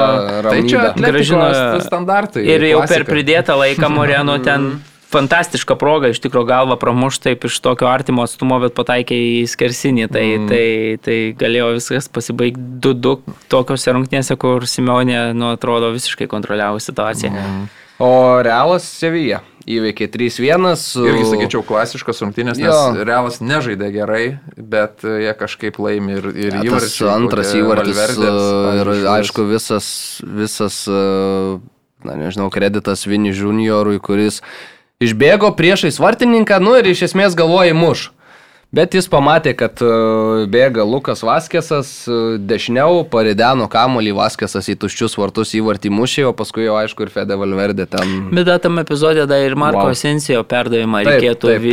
juniorui, nu jis toks iš gilumos, toks visiškai atrodo visišką su, suplėšantis visą gyvenybą ir tada aišku ir beje Gančialotis tai pagyrė, labai po Vini sakė, kad na gerai, jis dabar neįmušė, bet atliko du puikius rezultatyvius perdavimus ir kartais nu, ne, nereikia pasižymėti, žinom, kad e, Benzema, pavyzdžiui, šitą mačią nežaidė, atsėmė tuos e, savo tą didį balondorą kuris visiškai pelnytas jam buvo įteiktas, tai jis prieš šitas rungtynes irgi papozavo su tuo balandoru, beje, jam įteikė Kožankė užsimetė. e, Modričius su, su Zidanu, irgi tie du buvę realo žvaigždės, kurio praeitie irgi šitą apdovanojimą laikė, tai tokia buvo graži šventė, bet Benzema sakė, truputėlį turiu raumenų problemų ir šitą mačą praleis, bet ant kiek realas yra dabar dominuojanti jėga, kad na tiesiog jeigu ten Negali, tai jo, ir be Benzema jas tiesiog va, vis tiek žaidžia prieš Seviją, prieš komandą irgi elitinę Ispanijos čempionate, buvo lapo, po Lapotegio atleidimo Sempolis per keturis mačius ne vieno pralaimėjimo nepatyręs ir tikrai atrodė tokia atsigaunanti Sevija, bet jokių šansų Realas vis tiek va savo įvarčių sumušė. Ir, ir dėl tos traumos Benzema ten kažkur irgi Ispanijos žiniasklaida sako, na tai galėtų žaisti, bet kadangi dabar yra Kataros e, prieš akį, tai niekas nenori rizikuoti visi, bet, bet ant kiek yra jisai aukščiau nei kiti, jeigu tu gali, na, nerizikuoji, tiesiog, kad jis palsėtų, kad jam ten raumenų neskaudėtų ir taip toliau Tai, pasėdėtų. žinai, reikėjo skristi į Paryžių, atsimtą kamuolį, Jo, jo, paskui jo, gal, tai žinai, tai ir atšvestą kamuolį, tai galima ir pasilsėti. Tiesiog taip ir vis tiek pergalė užtikrinta prieš, Jo. prieš komandą. Jo, tai reikia Karimui Benzema turbūt, ar ne? Odė duoti. Pasakyk, ką nors gražaus, Aurimai, Tai apie Karimą. jokių klausimų, kas buvo vertas to auksinio kamulio ir mm, pagaliau gal kažkaip pastaraisiais metais žinom, kad tą konkursą vis ten palidėdavo tokie kažkokie vis nesusipratimai ten. Žinom, ten tas pats Modričius, Luka buvo gavęs tą auksinį kamulį arba Mesio ten paskutinį kartą tokie, kur keldavo antakius, bet šį kartą vienas žaidėjas tiesiog buvo nu, aukščiau visų kitų. Robertas Lewandowskis mušė daug įvarčių, bet jo komandos nelaimėjo. O Benzema ir, ir, ir pats buvo labai svarbus ir jo komandos dar susirinko viską, ką turėjo susirinkti. Tai čia... Tik tai, kad Man City tapo geriausių klubu, mm, tai toks realas iš esmės laimėjo ir tą, ir tą, bet, nu, Keistas, ne- ne, šitas keistas nes tų gavo vartininką. Tokių, kur net ne visada sėki ir ne visada ten labai jau reikia jo, sužiūrėti. taip, nes, taip, nu, taip. Geriausias klubas dabar renkamas. Tai aikštėje, man atrodo, paaiškėjo geriausias klubas, kas laimi čempionų lygį, tas ir yra geriausias klubas. Čia dabar balsuosim, kas yra geriausias klubas. Nu, tokia Tai nepatiko tau, nesąmonė. kad City išrinko Nu, geriausią. Nesąmonė, ta prasme, tai, tai tada rengiam konkursų, žinai, susitinka du klubai, kas daugiau laikų surenka, tas yra stipresnis klubas. Aikštelėje paaiškėja, kas stipresnis, ne, ne, nebalsuojant. Ja. Aleksija Putėjas antru met, antrus metus iš eilės geriausia futbolininkė Barcelonos kapitonė. Po išrinkta. čempionate nesužaidė ne minutės. Mm. O O Gavis jaunas. Gavis jaunasis futbolininkas, tai va, tai tokie pagrindiniai Balondoro atgarsiai, o užbaigsim šitą podcastą su žinia tokia, kad Arvidas Novikovas yra nuimtas nuo Samsung Sporo komandos. Mhm. Neaišku, Tai kol kas. Neaišku, tiksliai, kas kodėl ir kaip jo, aš čia dar pirmąjį šiek tiek telefoną žvilgčiau, pasižiūrėjau, pasitikrinau, jo praneša pats klubas, kad uh, Arvidas ir dar vienas komandos draugas, ten pasikeitė treneris Samsung Sporė ir, ir palieka komanda. Tai bus įdomu, kas dabar, bus įdomu, kur pakrypsta karjera. Nes uh, Arvidas dabar per aštuonerias rungtynes uh, Turkijos antroje lygoje neįmušė ne vieno įvarčio, atliko vieną rezultatyvų perdavimą. Tai žinome, kad veikiausiai yra, na bent jau aš taip galvočiau, vienas na, brangiausių futbolininkų tam klube.